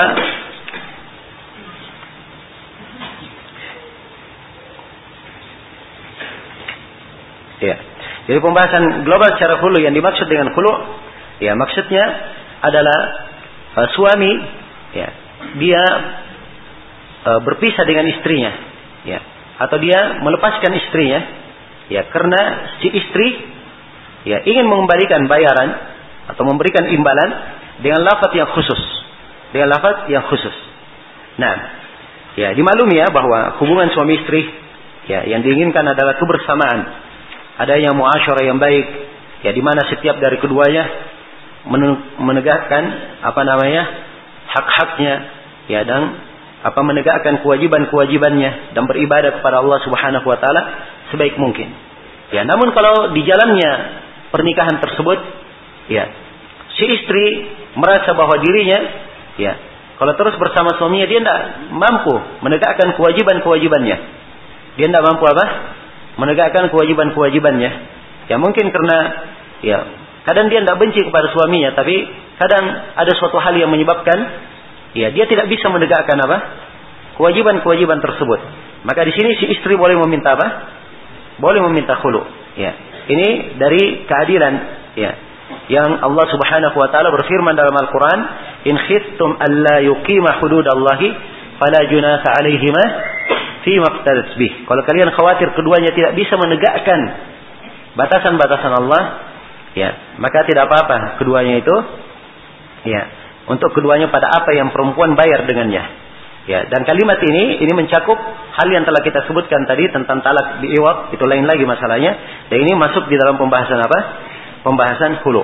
Ya, masuk di dalam pembahasan hulu. Nah, jelas ya?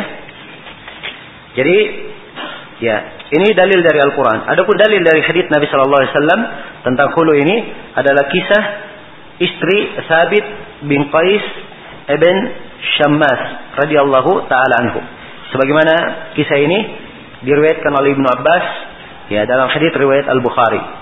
Nah, bahwa istri dari Sabit datang kepada Rasulullah SAW. Ia berkata, Ya Rasulullah, inni ma'utibu alaihi fi khuluqin waladin, walakin akrahul kufra fil Islam.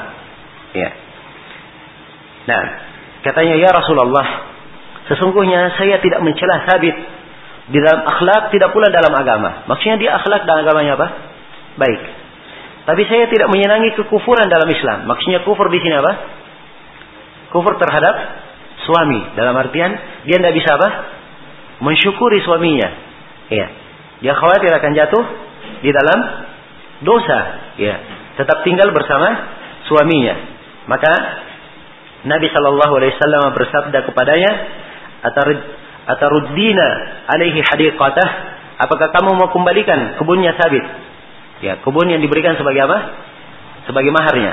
Ya, ini menunjukkan bahwa kadang mahar bisa aja mahal ya. Ya, kebun itu bukan murah ya, diberi kebun. Ya, jelas ya? Baik. Qalat na'am. Maka si istri berkata iya. Ya, saya kembalikan. Faqala Rasulullah sallallahu alaihi wasallam, maka Nabi berkata kepada Sabit, "Iqbalil hadiqah wa talliqha tatliqah." Ya, terimalah hadiqahnya dan talaklah dia dengan satu kali talak. Jelas ya? Nah, maka ini menunjukkan bahwa khulu itu adalah hal yang disyariatkan. Ya, boleh seorang itu khulu. Ya. Dan apakah khulu ini dihitung sebagai talak atau tidak? Ya, ini letak silam pendapat di kalangan para ulama. Ya. Nah, jelas ya dalam hadis Ibnu Abbas riwayat Abu Daud dan Tirmidzi disebutkan bahwa setelah itu Nabi perintah ya. Nabi perintah kepada uh, istri Sabit bin Qais untuk melakukan iddahnya selama satu kali haid. Ya, jadi kalau iddahnya satu kali haid dihitung talak atau bukan? Ya, bukan talak. Sebab iddah nanti kalau perempuan yang ditalak ya kalau dia talak terhitung talak tentunya tiga kali apa? tiga kali haid kalau dia perempuan haid yang bisa haid. Sebagaimana yang akan datang penjelasannya. Tapi tatkala dia haid cuma sekali saja, itu menunjukkan istibra. Dan yang seperti ini biasanya kalau nikahnya pasah, ya bukan talak. Jelas ya? Jadi ini menunjukkan bahwa khulu bukan apa? Bukan talak. Iya. Adapun hadis yang disebutkan talikha tatliqah ini tidak konteks ini ya walaupun disebut dengan kata talak tapi maksudnya dia adalah apa? Khulu dan khulu itu bisa dengan lafaz talak. Karena itu di eh, definisi kita sebutkan dengan lafaz talak atau apa? Khulu. Iya. Baik, dan para ulama mensyaratkan syahnya khulu itu dengan beberapa syarat. Syarat yang pertama, ya, adanya penyerahan imbalan, ya, penyerahan ganti dari siapa yang syah untuk membayarnya. Nah, ini yang pertama. Kemudian yang kedua, ya, Nah, khulu ini muncul dari seorang suami yang syah untuk mentalak. Jadi sudah kita sebutkan ya syarat talak apa? Ada berapa syarat talak tadi? Ada empat ya. Dia dari suami, balik, akil dan apa? Dia maksudkan. Kalau dia syah kalau mentalak, maka dia syah pula untuk apa? Menghulu. Maka disyaratkan dia muncul dari suami yang syah kalau dia mentalak. Nah, kemudian syarat yang ketiga, ya, dia tidak melakukan apa idol kepada istrinya sehingga istri itu membayar. Jelas ya? Nah, ya. Jadi si suami ini ya tidak sengaja melakukan perbuatan-perbuatan yang dengannya si istri apa? Si istri menjadi marah akhirnya minta apa? Minta kulu. Ya. Ini di dalam, dalam di, dilarang di dalam Al-Qur'an. Karena itu dalam Al-Qur'an dikatakan wala ta'dhuluhunna apa? Litadhhabu bi ba'di ma. Ya. Dan jangan kalian melakukan ribal kepada istri-istri kalian. Ya. Jangan dia membahayakan istrinya dalam muasyarah. Ya. Ya. Terus istrinya diperlakukan tidak baik. Terus dia perlakukan apa? Ya. Tidak menyenangkan. Supaya istrinya bosan dan muak bersamanya. Akhirnya istrinya berkata, ayo kita follow. Saya kembalikan kemarin semua maharnya. Ya. Dia memang sengaja menunggu itu dari istrinya. Ya. Sebab kalau dia mentalak, ya maka dia tidak dapat apa-apa kan begitu ya tapi dia sengaja membuat istrinya seperti itu akhirnya istrinya marah dan minta hulu akhirnya dapat apa ya dia memberikan maharnya maka tidak boleh seperti ini jadi kalau dia nampak ya membuat istrinya seperti itu, maka ini tidak syah khulu'nya. Jelas ya? Tidak syah khulu'nya. Nah, kemudian yang keempat, ya hendaknya dengan lafaz khulu. Hendaknya dengan lafaz khulu. Iya, jelas ya? Hendaknya dengan lafaz khulu. Baik. Dan Syekh Shalal Fauzan beliau punya pendapat di dalam masalah uh, talak uh, khulu ini, apakah dia terhitung talak atau terhitung khulu? Ya kata beliau, kalau dia dengan lafaz uh, khulu maka dia dihitung khulu. Ya. Kalau dia dengan lafaz khulu maka dia dihitung apa? Dihitung khulu.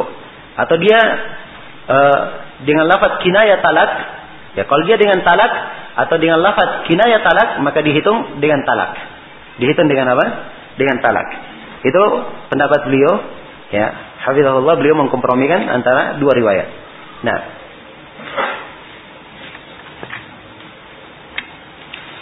Baik selesai ya pembahasan apa? Pembahasan hulu ini di apa tentang apa? Tentang syariat dan ketentuannya. Ya, baik kita baca ucapan Imam Syaukani supaya lebih jelas. Ya, saya sudah apa namanya? terlanjur menjelaskan semuanya, harusnya kita baca satu-satu sambil kita jelaskan. Tapi tidak apa-apa kita baca ulang. Imam Syaukani berkata, ya di sini ada enam, enam pembahasan yang kita garis bawahi. Kata beliau, "Idza khala ar-rajulu imra'atahu" Apa seorang apabila seorang lelaki melakukan khulu kepada istrinya, karena amruha ilaiha. Maka perkara ini kembali kepadanya. La tarji'u ilaihi bimujarratir raja'ah. Tidak kembali lagi kepadanya sekedar rujuk apa? Hanya dengan sekedar apa? Dengan sekedar rujuk. Ini tadi pembahasan. Kalau dia terhitung talak, maka boleh rujuk kalau talak, ya kan? Kalau dia terhitung pasah, maka ter, tidak boleh apa? Tidak boleh rujuk sebab dia membayar. Dan ini yang benarnya. Sebab dia apa? Dia membayar. Nah. Jadi sekedar dia uh, uh, rujuk itu tidak boleh sekedar rujuk. Ya, harus akad baru kalau ingin rujuk. Harus apa? Akad baru. Ya, kemudian kata beliau wa yajuzu bil qalil wal katsir. Ma lam yujawiz ma sara ilaihi minhu fala. Kata beliau dan boleh. Ya. Dan boleh dengan sedikit maupun banyak. Ya. Dengan sedikit maupun apa? Banyak.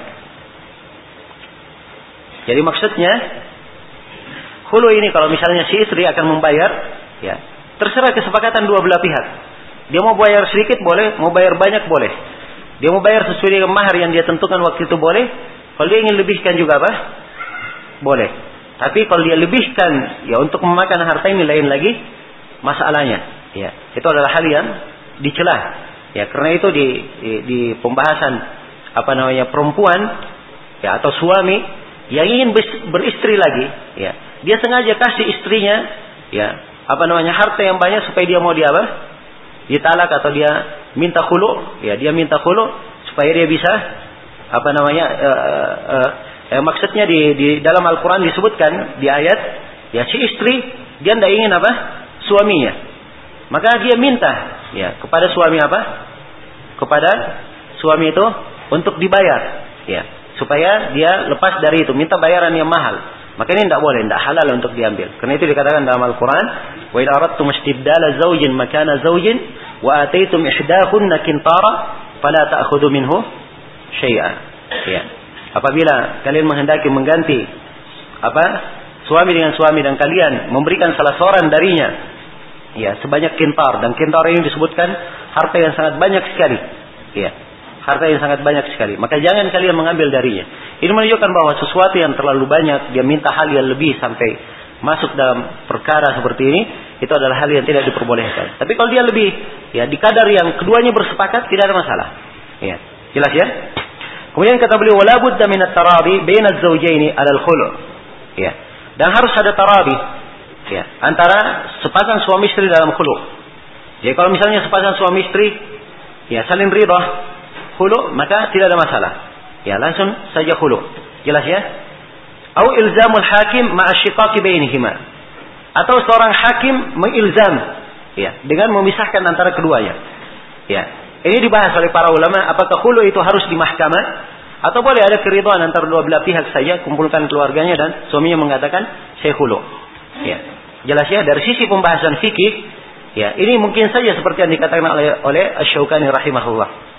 Bahwa ya mungkin seorang suami menghulu dengan tarabi, ya tidak harus hakim yang apa?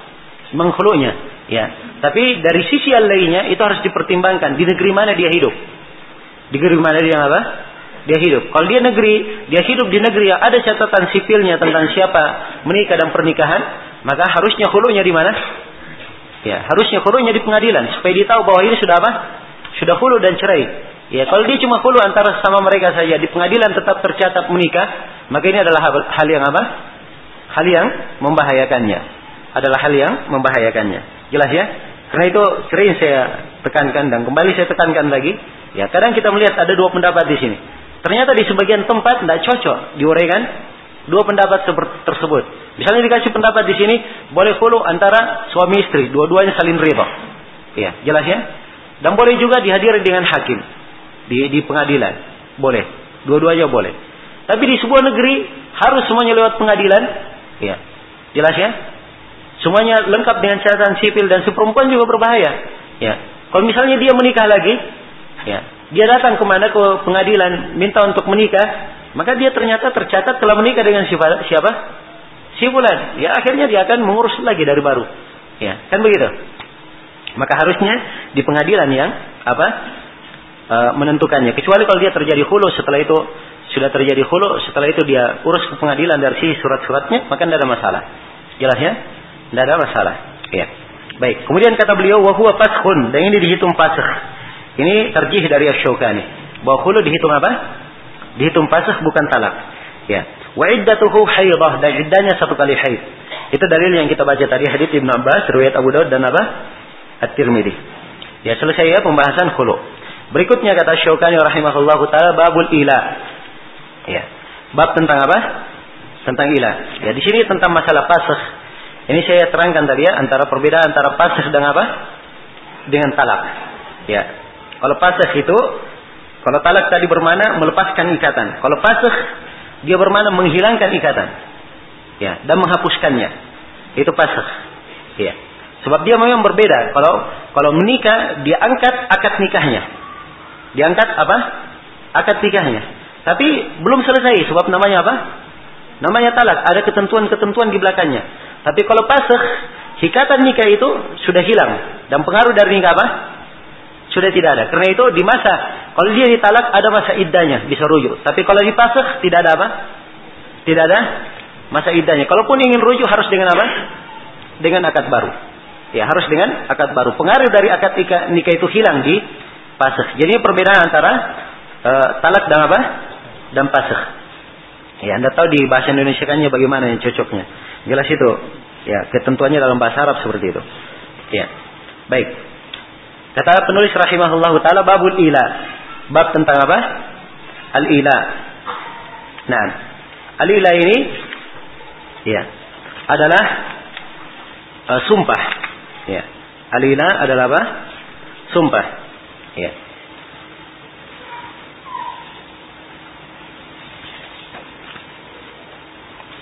Nah, jadi secara bahasa lila adalah bersumpah. Dia apabila seorang berkata ala yuli ilaan berarti dia bersumpah. Dia bersumpah. Nah, nah itu ada ya dalam sebagian hadis dalam riwayat Muslim ada orang yang bersumpah ya dia lihat dia lihat saudaranya jatuh di dalam dosa. Terus jatuh lagi dalam dosa. Dia bersumpah, "Wallahi la yaghfirullahu laka." Demi Allah, Allah tidak mengampunimu. Ya, dia bersumpah begitu. Maka Allah berfirman, "Man dalladhi yata'alla alayya?" Siapakah yang yata'alla alayya pakai kata ila? Maksudnya siapa yang bersumpah terhadapku? Ya, bahwa saya tidak mengampuni si fulan. Ya, saya telah mengampuninya dan engkau yang bersumpah saya gugurkan apa? Amalanmu. Ya, ini bahayanya orang yang apa namanya memberikan cap ya tanpa ilmu, ya kamu tidak diampuni. Dari mana dia tahu tidak diampuni? Ya, jelas ya? Nah, berucap atas nama Allah Subhanahu wa taala tanpa ilmu. Ya, baik. Jadi ini al-ila, dia bersumpah. Dan para fuqaha memberi definisi tentang ila ini bahwa ila adalah sumpah dari seorang suami. Ya. Sumpah dari seorang suami ya. Yang suami ini mungkin melakukan hubungan dengan istrinya, punya kemampuan ya untuk melakukan hubungan dengan istrinya.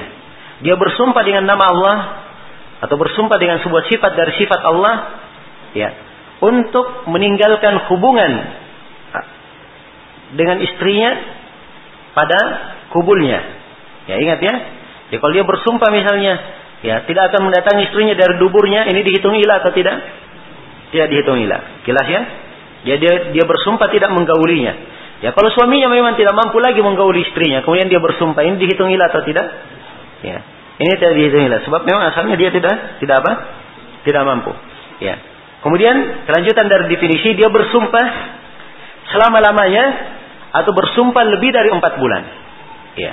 Kalau ini terjadi, maka dia telah terhitung apa?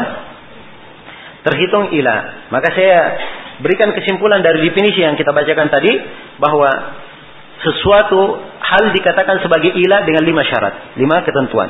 Yang pertama, ilah ini datangnya dari suami yang punya kemampuan menggauli apa? istrinya. Ini syarat yang pertama. Syarat yang kedua, ya dia bersumpah dengan nama Allah atau dengan sifat dari sifat Allah. Jelas ya? Syarat yang ketiga, dia bersumpah untuk tidak menghubungi istrinya, tidak menggauli istrinya pada apa? Pada kubulnya, ya, pada kemaluannya. Ya. Kemudian yang keempat, syarat yang keempat, ya dia bersumpah untuk tidak menggauli istrinya lebih dari empat bulan. Lebih dari apa? Empat bulan. Ya. Dan syarat yang kelima, Ya, hendaknya si istri itu istri yang mungkin untuk dia apa? Dia gauli. Ini lima syarat. Apabila syarat ini terpenuhi, maka dia telah dikatakan melakukan ilah dan hukum ilah apa? telah berlaku padanya. Hukum ilah itu diterangkan di dalam Al-Qur'an. Hukum ilah diterangkan di dalam Al-Qur'an. Allah Subhanahu wa taala berfirman, "Lilladzina yu'luna min nisa'ihim tarabbusu arba'ati ashhur." fa in fa'u fa inna Allah ghafurur rahim. Fa inna Allah apa? Sami'un alim. Dan bagi orang yang melakukan ilah kepada istrinya, maka dia hanya diizinkan terabbus berapa? Empat bulan. Fa in fa'u kalau mereka rujuk, fa inna Allah rahim. Maka sungguhnya Allah pengampun dan apa? Penyayang. Maksudnya dia rujuk dari sumpahnya, yaitu dia batalkan sumpahnya. Dia bayar kafarah terhadap apa? sumpahnya. Maka Allah Maha Pengampun lagi apa? Maha Penyayang. Wa in azamut talaqaq dan kalau mereka mengazamkan untuk talak, fa innallaha samiun alim. Maka sungguhnya Allah Maha mendengar lagi Maha apa? Maha mengetahui. Sini disebut dua nama Maha mendengar lagi Maha mengetahui. Ini apa ancaman ya. Hendaknya semua bertakwa kepada Allah dalam menggunakan lafaz talak. Allah Maha mendengar lagi Maha apa? Mengetahui. Dan hendaknya orang yang mengilah istrinya bertakwa kepada Allah. Ya. Kalau sudah lebih empat bulan istrinya menuntut agar supaya diceraikan, maka dia wajib untuk apa? Ya, wajib untuk menceraikannya. Dan Allah Maha mendengar lagi Maha mengetahui. Begitu maksudnya. Jelas ya? Maka dengan ini kita telah mendefinisikan tentang definisi ilah dan telah kita terangkan ya waktu dari ilah ini. Dan di sini Asy-Syaukani rahimahullah menjelaskan tentang ilah, beliau berkata, "Huwa ayyahlifa az-zawju min jami'i nisa'ihi au ba'dihinna la aqrabuhunna. Ya, ila itu adalah seorang suami yang bersumpah untuk tidak apa bersumpah? Ya terhadap seluruh istrinya atau sebagian dari istrinya dia bersumpah dia berkata la aqrabuhunna. Saya tidak akan mendekati mereka. Yang mendekati mereka artinya apa? Hah? ya tidak menggaulinya. Nah Kata beliau, "Fa in biduni arba'at. Biduni arba'ati ashhur i'tazala hatta yanqadi ma waqqata bih." Ya, kalau dia memberikan waktu kurang dari empat bulan, maka hendaknya dia melakukan sumpahnya. Dalam artian dia hindari istrinya kurang dari empat bulan itu sampai selesai apa yang dia waktukan dengannya. Sebagaimana Nabi Shallallahu Alaihi Wasallam pernah mengilah istrinya berapa lama? Hah? Satu bulan. Ya, tahu kisahnya ya? Ya, itu yang saya sebutkan tadi tentang kisah uh, ayat yang menegur para sahabat, "Idza ja'akum amrun minal amni aw yakhafi ada'u bih." Itu Nabi melakukan ilah terhadap istrinya, bukan talak waktu itu. Cuman orang-orang menganggapnya dia apa? Ditalak. Dan Nabi bersumpah tidak mendekatinya selama apa? Sebulan. Ya, dan waktu itu Nabi Shallallahu alaihi wasallam 29 hari beliau sudah apa? kembali. Ketika ditanya ya Rasulullah, bukankah engkau bersumpah sebulan? Maka beliau katakan, ya 29 hari itu sudah apa? sudah sebulan. Jelas ya? Ya kalau sebulan kurang dari empat bulan, kan begitu? Ya. Maka kalau dia bersumpah sebulan, misalnya atau dua bulan atau tiga bulan, dia lakukan sumpah itu. Dia tinggalkan apa? Jangan dia mendekati istrinya sampai apa? Sampai batas yang dia sebutkan. Jelas ya? Wa illam yuwaqqit syai'an aw waqqata bi aktsara minha khuyyira ba'da mudijiha baina ayyafiha baina ayyafi'a aw yutalliq. Apabila dia tidak mentaukid, dia hanya berkata saya tidak akan mendekati kalian. Ya, begitu saja. Saya tidak akan mendekati kamu lagi, tidak akan menggauli kamu lagi. Dia hanya begitu, tidak berkata berapa lama. Ya. Atau dia berkata saya tidak akan menggauli kamu selama-lamanya misalnya. Atau dalam tahun ini, ya, dan dia di apa namanya? Di awal tahun, dia berkata dalam tahun ini saya tidak akan mendekatimu, ya misalnya. Maka kalau dia berkata seperti ini, maka dia diberi takhir. Setelah berlalu empat bulan, dia diberi pilihan. Jelas ya? Sudah berlalu empat bulan, dia dikasih pilihan. Kamu kembali atau kamu talak. Kamu kembali atau kamu apa? Ya, kamu mentalaknya. Dan ini tentunya membahayakan istri. Membahayakan apa? Membahayakan istri. Ya. Dari pembahasan ilah ini sebagian para ulama menyebutkan di dalam fikih muasyarah dengan istri bahwa wajib untuk menggauli istri dalam empat bulan sekali. Dalam empat bulan apa? Sekali. Dari pembahasan apa? Ilah. Karena boleh lebih apa? Empat bulan. Ya. Dan di dalam pembahasan ilah juga ini, ini dibahas dalam fikih muasyarah juga bahwa suami kalau dia meninggalkan istrinya, maka dia paling lama boleh meninggalkannya berapa? Empat bulan.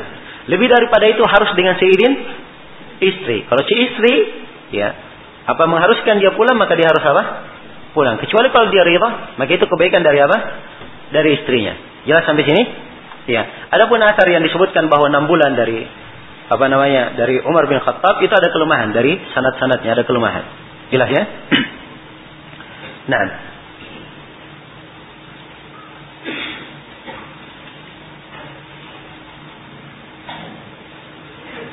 Ya. Baik, selesai sudah ya berkaitan apa yang berkaitan dengan masalah pembahasan ilah ini. Kira jelas ya?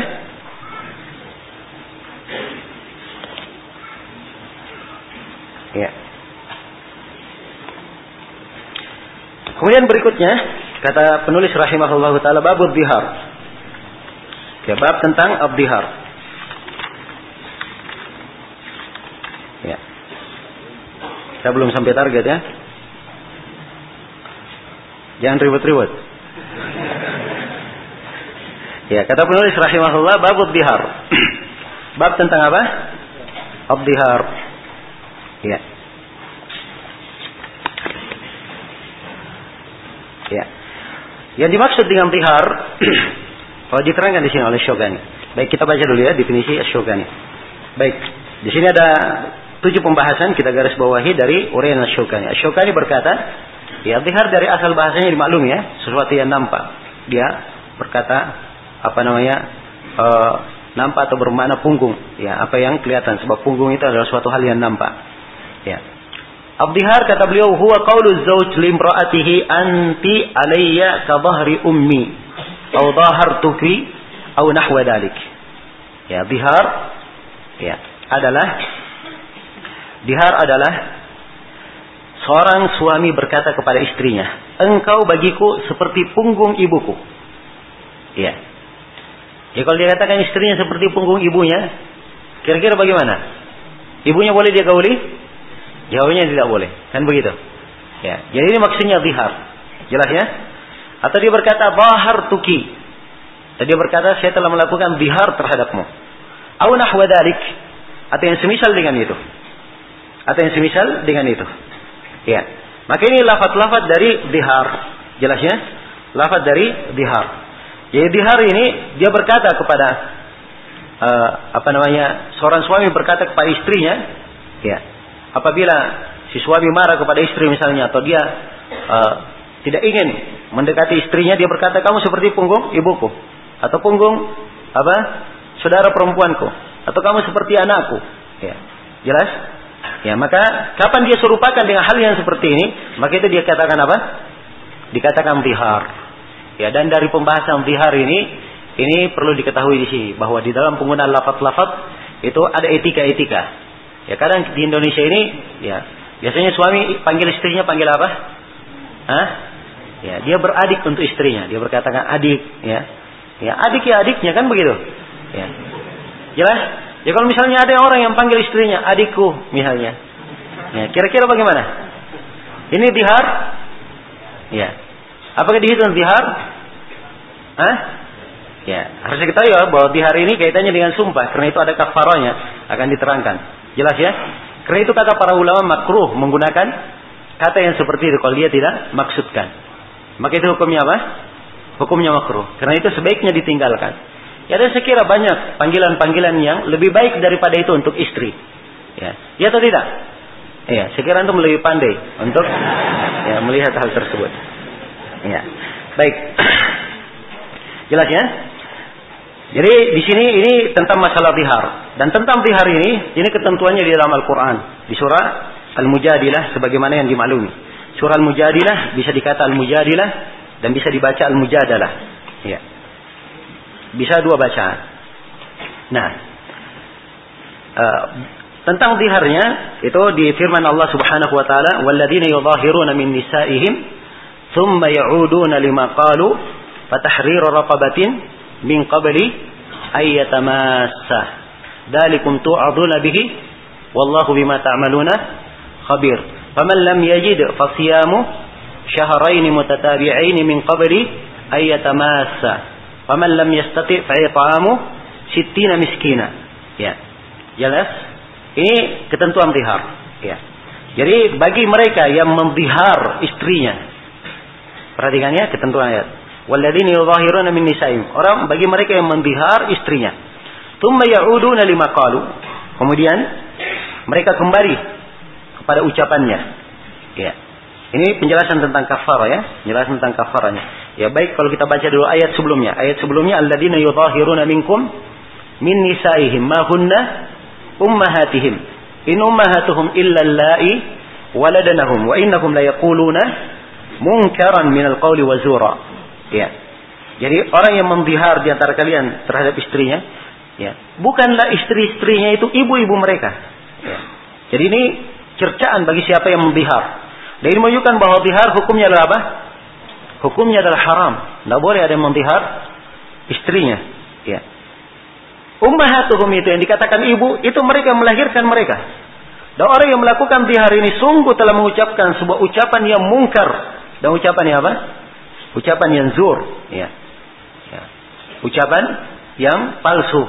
Ucapan yang keji lagi batil. Ya. Ini keharaman yang sangat nyata bagi orang yang melakukan bihar ini. Ya, maka di ayat setelahnya diterangkan, bagi siapa yang melakukan bihar ya, terhadap istrinya, "Tsumma ya'uduna lima qalu." Kemudian mereka kembali dari ucapannya. Mereka artinya apa? Membatalkan apa? Biharnya. Ya. Maka diterangkan di sini tentang kafaranya. Diterangkan tentang apa? Alhamdulillah. Alhamdulillah. Ya. Diterangkan tentang kafaranya. Ya. Jadi kafara yang pertama disebutkan patahriru raqabatin min qabli ayatamasa. Dia membebaskan seorang budak. Ya. Sebelum keduanya bersentuhan. Sebelum keduanya apa? Berhubungan. Ya. Jadi tidak boleh. Ya, dia bersentuhan, berhubungan sebelum dia apa? Sebelum dia membayar kafarah. Ya sebelum dia membayar kafarah. Ini kisah tentang di hari ini. Ini hadisnya panjang ya di dalam apa namanya uh, uh, Musnad Imam Ahmad, Sunan Abi Dawud dan Tirmidzi. Hadisnya dihasankan oleh Syekh Al Albani dari Salama ibn Sakhar. Nah, dari Salama bin Sakhar disebutkan tentang kisah zihar. Ya kisah yang panjang. Ya, beliau katakan saya adalah seorang perempuan yang diberikan kemampuan jima yang tidak diberikan kepada selain saya. Ya. Nah, Maksudnya dia apa? Ya. Ada uh, apa? Agak ada kelebihan sedikit ya. Daripada yang lainnya. Maka begitu masuk Ramadan, dia melakukan bihar kepada siapa? Kepada istrinya. Sampai di akhir bulan. Ya. Sampai di akhir bulan. Ya, bahkan sisa sedikit bulan itu akhirnya di suatu malam, ya. Di suatu malam maka apa uh, di suatu malam istrinya melayaninya, ya apa memberikan khidmat kepadanya, ya tiba-tiba tersingkap dari istrinya sesuatu. Ya. Maka kata beliau, "Fawasabtu alaiha." Saya pun melompatinya. ya. Padahal dia apa? Dihar. Ini bahasa ya yang menunjukkan apa namanya? Segeranya syahwatnya itu naik. Ya. Falamma asbahtu, begitu saya masuk di pagi hari, saya pun pergi kepada kaumku. Ya, jadi dia sudah dihar tidak mau menghubunginya, sekarang sudah berhubungan. Di pagi harinya dia datang kepada kaumnya, dia beritakan ya uh, apa yang terjadi pada dirinya, minta pertimbangan, ya minta pertimbangan. Maka akhirnya Salam bin Sahur mengajak kaumnya supaya pergi ke mana? Kepada Rasulullah, tapi kaumnya tidak mau. Ya, mereka tidak mau. Mereka bilang khawatir kita turun kepada kita Al-Quran atau Rasulullah berucap tentang kita. Ya, disebabkan karena kamu. Ya. Nah, dan kalau kita diucapkan tentang kita ini akan menjadi aib terus untuk kita. Maka kamu pergi sendiri. Ya, silakan kamu kerjakan apa yang kamu kerjakan. Maka salah pun keluar, kemudian dia pergi kepada Nabi Shallallahu Alaihi Wasallam, kemudian dia kabarkan hal itu kepada Nabi. Maka Nabi Shallallahu Alaihi Wasallam berkata, ya, anta bidak, kamu melakukan hal itu? Ya. Nah, kata beliau, ana bidak. Kata Salama, iya. Saya dengan hal itu. Nabi mengulanginya lagi. Ya, kembali Salamah menjawab. Nabi kembali mengulanginya. Ya, dan akhirnya berkata Salamah ha anaza. Saya siap untuk menerimanya. Jelas ya? Ini Nabi mengulangi untuk menunjukkan apa? Ini perbuatan yang sangat apa? Sangat dilarang. Karena itu beliau tekankan. Cukup sekali sebenarnya sudah dipahami. Tapi begitu Nabi mengulanginya, ini adalah hal yang apa? Ya, bukan dianggap remeh dan main-main. Ya, maka Nabi Shallallahu Alaihi Wasallam ya berkata, apakah kamu kamu mampu? Ya. Untuk membebaskan ya seorang budak? Nah, ya. Kata ya Salamah. Ya. Kata beliau sambil memukul lehernya katanya Kultula walladhi ba'atsaka bil haqq tidak demi yang mengutusmu dengan kebenaran. Ya saya hingga hari ini tidak memiliki selain daripada istriku. Ya, maksudnya jangankan budak, istri apa ya, istri saja cuma satu bagaimana bisa punya apa? Punya budak. Ya.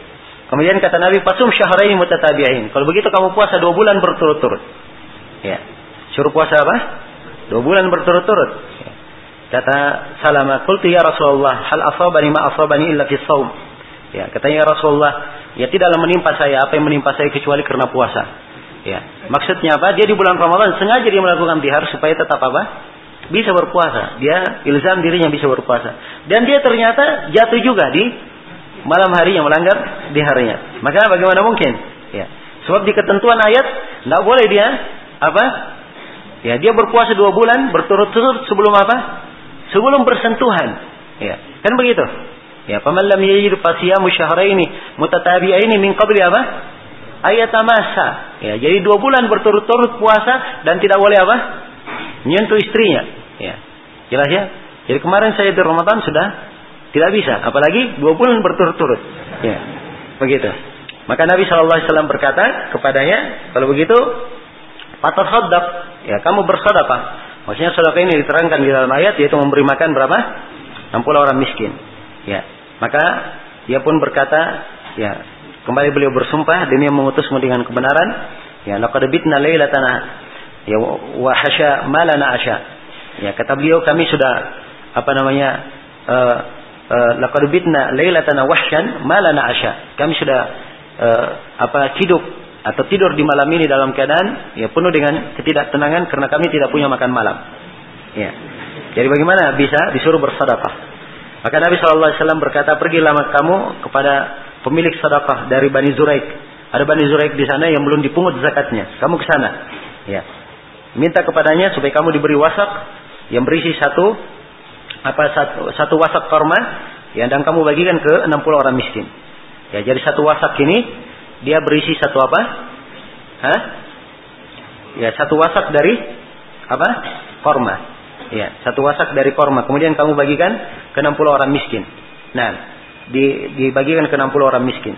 Nah, maka setelah itu dia kembali kepada kaumnya dan dia berkata, ya saya datang kepada kalian, saya ketemukan di pada kalian ada kesempitan dan pendapat yang jelek. Ya, dan saya datang kepada Rasulullah sallallahu alaihi wasallam, saya dapat pada Rasulullah sallallahu alaihi wasallam ada kelapangan dan penuh dengan berkah. Ya. Nah, maka Rasulullah berkata, uh, berkata, Rasulullah telah memerintah saya untuk mengambil sedekah kalian, mengambil zakat kalian. Ya, maka serahkan kepadaku. Jelas ya? Sebab ini apa Bani Zuraik ini ini di uh, di di kampungnya. Jadi di tempat Salama sendiri. Jadi Nabi sengaja mengarahkan ke sana sebab memang apa? Ya, ini yang memungkinkan. Dan ini menunjukkan bahwa kafarah itu bisa dibayarkan oleh apa? Oleh pemerintah, bisa dibantu oleh pemerintah. Dan di dalam bayar kafarah, tidak harus seorang itu membayar kafarah dari dirinya sendiri. Kalau ada orang lain yang membantunya tidak ada masalah untuk membayar apa? Membayar kafarahnya. Nah, jelas ya? Ya, dan di sini juga kita lihat ya bagaimana faedah dari zakat itu. Ya, dari zakat ini ini salah satu dari faedahnya, memberikan keringanan-keringanan kepada orang-orang yang terkena masalah seperti ini. Kemudian kata Syaukani rahimahullahu taala, jadi ini ke, kita apa ke, dari hadis saya kembali menekankan makna ayat. Ya, jadi ayat itu ya di dalam surah uh, apa namanya Al-Mujadilah pertama disebutkan tahrir raqabah. Ya, dia membebaskan seorang apa?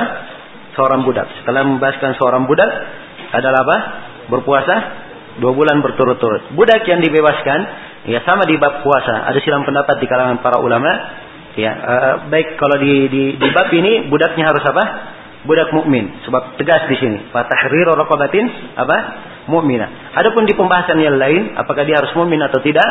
Ya, dalam budak membunuh salah, uh, membunuh apa namanya tidak sengaja, dalam budak membunuh uh, apa di, uh, membayar kafar puasa dan selainnya, apakah sama dengan kafar di hari ini membebaskan budaknya apakah harus mukmin ini silam pendapat di kalangan para ulama jumhurul ulama berpendapat harus apa budak mukminah ya adapun Abu Hanifah beliau berpendapat tidak harus mukmin boleh mukmin boleh kafir jelas ya kemudian di dalam masalah puasa ya puasa ini ya dia berpuasa ini kalau dia tidak mampu membebaskan budak jadi pilihan pertama membebaskan budak dulu sebab ini yang diurut di mana di dalam Al-Quran diurut di dalam Al-Quran kalau dia tidak mau membebaskan budak, baru dia apa? Berpuasa dua bulan berturut-turut. Ya, dan dia meniatkan ya dengan puasanya untuk membayar kafarah. Kalau dia tidak mampu, maka dengan memberi makan. Dia memberi makan orang miskin. Ya, dengan ketentuan yang telah disebutkan. Dan ini sama ya pembahasannya di pembahasan kafarah apa? Kafarah puasa. Ya baik. Kata Syukani, "Fayajibu alaihi qabla ayyamassaha ayukaffira bi'idki raqbah." Bitki raqabah. Ya dicetakan kita, ini sesuai dengan manuskrip ya. Fa'ilam yajid falyut'im sittina miskina. Fa'ilam yajid falyasum syahraini mutatabi'ini. Ya begitu di manuskripnya tertulis. Ya kalau dia dia wajib ya sebelum menyentuh istrinya dia membayar kafarah dengan membebaskan budak. Kemudian dia memberi makan 60 orang miskin, kemudian dia memberi apa dia berpuasa dua bulan berturut-turut. Ya, begini urutannya di asal manuskrip tulisan penulis. Tapi kalau kita lihat konteks ayat, ayatnya apa? Makan dahulu atau memberi makan dahulu atau puasa dahulu? Puasa dahulu. Berarti terbalik ya? Terbalik. Dan dicetakan darori yang ada syarahnya dari Syokani, dicetakan darori itu didahulukan puasa kemudian apa? Kemudian makan. Insya Allah taala itu yang lebih tepat. Ya mungkin ada uh, beliau di tulisan tangan yang kita sebutkan di awal pelajaran bahwa cetakan yang kita pakai ini kita cocokkan dengan manuskrip dengan tulisan tangan Imam Syaukani sendiri. Mungkin ada kesalahan tulis dari beliau di situ. Baik, kemudian kata beliau ya yuzul imami ayyu'inuhu atau ayyu'inahu min sadaqatil muslimin in kana faqiran la yaqdiru ala shaum wa lahu ayyusrifa minha li nafsihi wa iyalihi. Ya dan boleh untuk seorang imam muslim untuk membantunya dari sedekah kaum muslimin. Kalau dia memang apa? Dia memang fakir, tidak mampu untuk berpuasa. Dia fakir tidak mampu untuk apa? Berpuasa. Ya, jadi kalau dia dapat ketentuan ini sudah fakir berarti dia tidak mampu membebaskan budak. Ya, dia tidak mampu berpuasa maka dia apa? Dia bersedekah. Ya, dan sedekahnya boleh dibantu oleh imam kaum muslimin. Ya, walahu ayyasrifa min li nafsihi wa iyalihi. Dan boleh dia gunakan sedekah ini dia gunakan juga untuk dirinya dan untuk apa? Untuk keluarganya. Ya, dan kalimat boleh ini apakah dihitung dari kafara atau dihitung dari selain kafara? Ini pembahasan ya. Ya, pembahasan. Dan ini sama dengan pembahasan di apa namanya di bab apa? Hah? Iya, di bab puasa. Ya, tentang kisah orang yang melanggar di bulan puasa itu. Ya sama, dia juga tidak mampu apa? Tidak mampu membayar kafar. Maka Nabi memberikan satu arak berisi korma. Ya, yang satu arak ini berisi berapa? 15 atau berisi 15 sa. Yang 5 sa' ini berarti kalau 15 sa' berarti berapa mut? Berisi berapa? Hah? 60 mut. Jadi bagi kepada 60 orang miskin berarti setiap miskin satu apa? Satu mut diberinya. Jelas ya? Ya, ketika sudah diberi satu Arab, maka Nabi berkata kepadanya atau orang yang berkata kepada Nabi, "Ya Rasulullah, apakah saya sedekahkan kepada orang yang lebih fakir dari saya?" Demi Allah tidak ada antara dua sudut Medina ini, dua sudut gunung Medina ini, ya penduduk dari seluruh penduduk Medina tidak ada yang lebih fakir dari saya. Ya, bagaimana saya sedekahkan kepada orang? Maka Nabi pun tersenyum sampai kelihatan giginya. Kemudian beliau katakan, kalau begitu, kamu makanlah untuk keluargamu. Ya, dari ucapan Nabi ini kamu makan untuk keluargamu. Inilah yang diarahkan mananya di sini oleh Imam Syukani. Sebab mereka di dalam pembahasan tihar, mereka sama pembahasannya dengan pembahasan apa? Kafara di mana? Di puasa. Demikian pula nanti kafara di mana? Di masalah membunuh tidak sengaja. Jelas ya? Baik. Uh, uh, uh, dan di dalam memahami hadis tersebut, di dalam memahami hadis Rasulullah itu, ya ini ada dua pendapat di kalangan para ulama. Ada yang berkata kalau dia tidak mampu, ya dia yang paling miskin berhak maka diambil saja, maka sudah gugur terhadapnya. Ada yang berkata bahwa Nabi mengatakan, ya kamu pakai sedekahkan untuk keluargamu, untuk dirimu dan keluargamu, kamu sedekahkan. Kapan kamu punya kemampuan, ke depan kamu tetap harus membayar apa? Membayar kafara. Dan ini yang tepatnya. Sebab asalnya dia wajib membayar kafarah. Jelas ya? Kewajiban yang ditekankan. Ya. Maka Nabi Shallallahu Alaihi Wasallam memerintah dia untuk apa namanya e, bersedekah untuk keluarganya. Ini karena memang mereka lebih butuh pada saat itu. Ya, karena itu hajat mereka lebih didahulukan. Tapi kapan mempunyai kemampuan, ya kewajiban untuk membayar kafarah tidak gugur. Ini insya Allah taala pendapat yang terkuat di dalam masalah itu. Ya.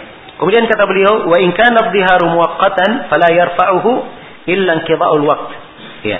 Kalau diharnya adalah muwaqqatan, ya, diharnya adalah apa? Uh, muwaqqat sementara, maka tidak ada yang mengangkatnya kecuali apa? Ya, tidak ada yang mengangkatnya kecuali lepasnya waktunya. Ya, waktunya lepas, waktunya selesai. Kemudian kata beliau, "Fa in wati'a qabla inqida'il waqt atau qabla takfir kaffa hatta yukaffir fil mutlaq atau oh, waktul muwakkid. Ya. Kemudian kata beliau kalau dia melakukan hubungan sebelum sebelum selesainya waktu atau sebelum dia membayar kafara, maka dia hendaknya menahan. Ya. Hendaknya menahan sampai dia membayar al-mutlaq. Ya. Membayar apa yang sudah sudah sudah sudah apa? Sudah berjalan dan sampai selesai waktu yang sementara itu. Ya, sampai selesai waktu yang sementara itu. Nah, ya telah kita sebutkan ya bahwa bihar itu adalah apa? Adalah yamin, dia adalah sumpah. Ya. Dan di dalam hadis Ibnu Abbas radhiyallahu taala anhu, ya beliau berkata, "Idza harrama ar-rajulu imra'atahu fa huwa yaminun yukaffiruha." Ya.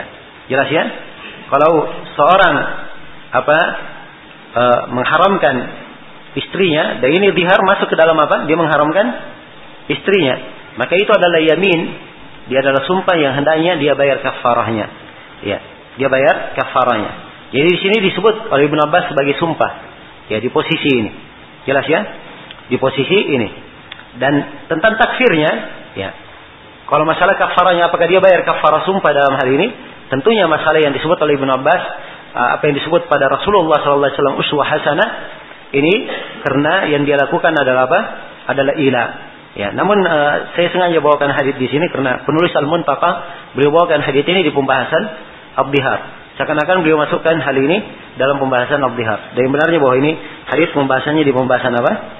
Pembahasan ilah yang telah berlalu. Jelas ya? Jadi Abdihar ini cara menggugurkannya adalah dengan cara apa? Hah? Dia membayar kafarah yang telah disebutkan. Iya.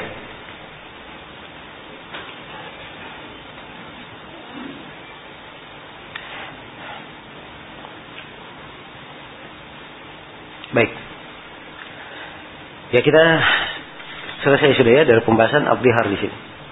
Ya dan di pembahasan yang terakhir ini ini menunjukkan larangan seorang itu berhubungan ya dengan istri sampai dia membayar kafara dan itu berdasarkan nas Al-Qur'an. Ya, sudah jam 6 ya. Harusnya saya targetkan tadi kita selesai bab iddah sore ini. Kayak malam nanti kita selesaikan sampai babul khidana. Ya besok kita sudah masuk bab jual beli. Pembahasan jual beli. Ya, tapi kelihatannya agak berat ini. Ya. Tapi insya Allah masih targetnya sekarang sudah di halaman 50 kita. Berarti masih ya dapat targetnya. Ya coba kita lihat sebentar malam insya Allah pada maghrib kalau bisa kita apa selesaikan pembahasan kitabun nikah kita selesaikan. Ya jelas ya. Ya, kalau memang mau diselesaikan Pak Desya, bagaimana kalau kita selesaikan Pak Desya? Ya, masih kuat. Ya. Yang penting ada semangat insya Allah. Ya. Kira-kira insya Allah pematerinya juga bersemangat. Ya. Baik, terus sementara kita cukupkan dalam siri subhanakallah wa bihamdik asyhadu an la ilaha illa anta astaghfiruka wa atubu ilaik walhamdulillahi rabbil alamin.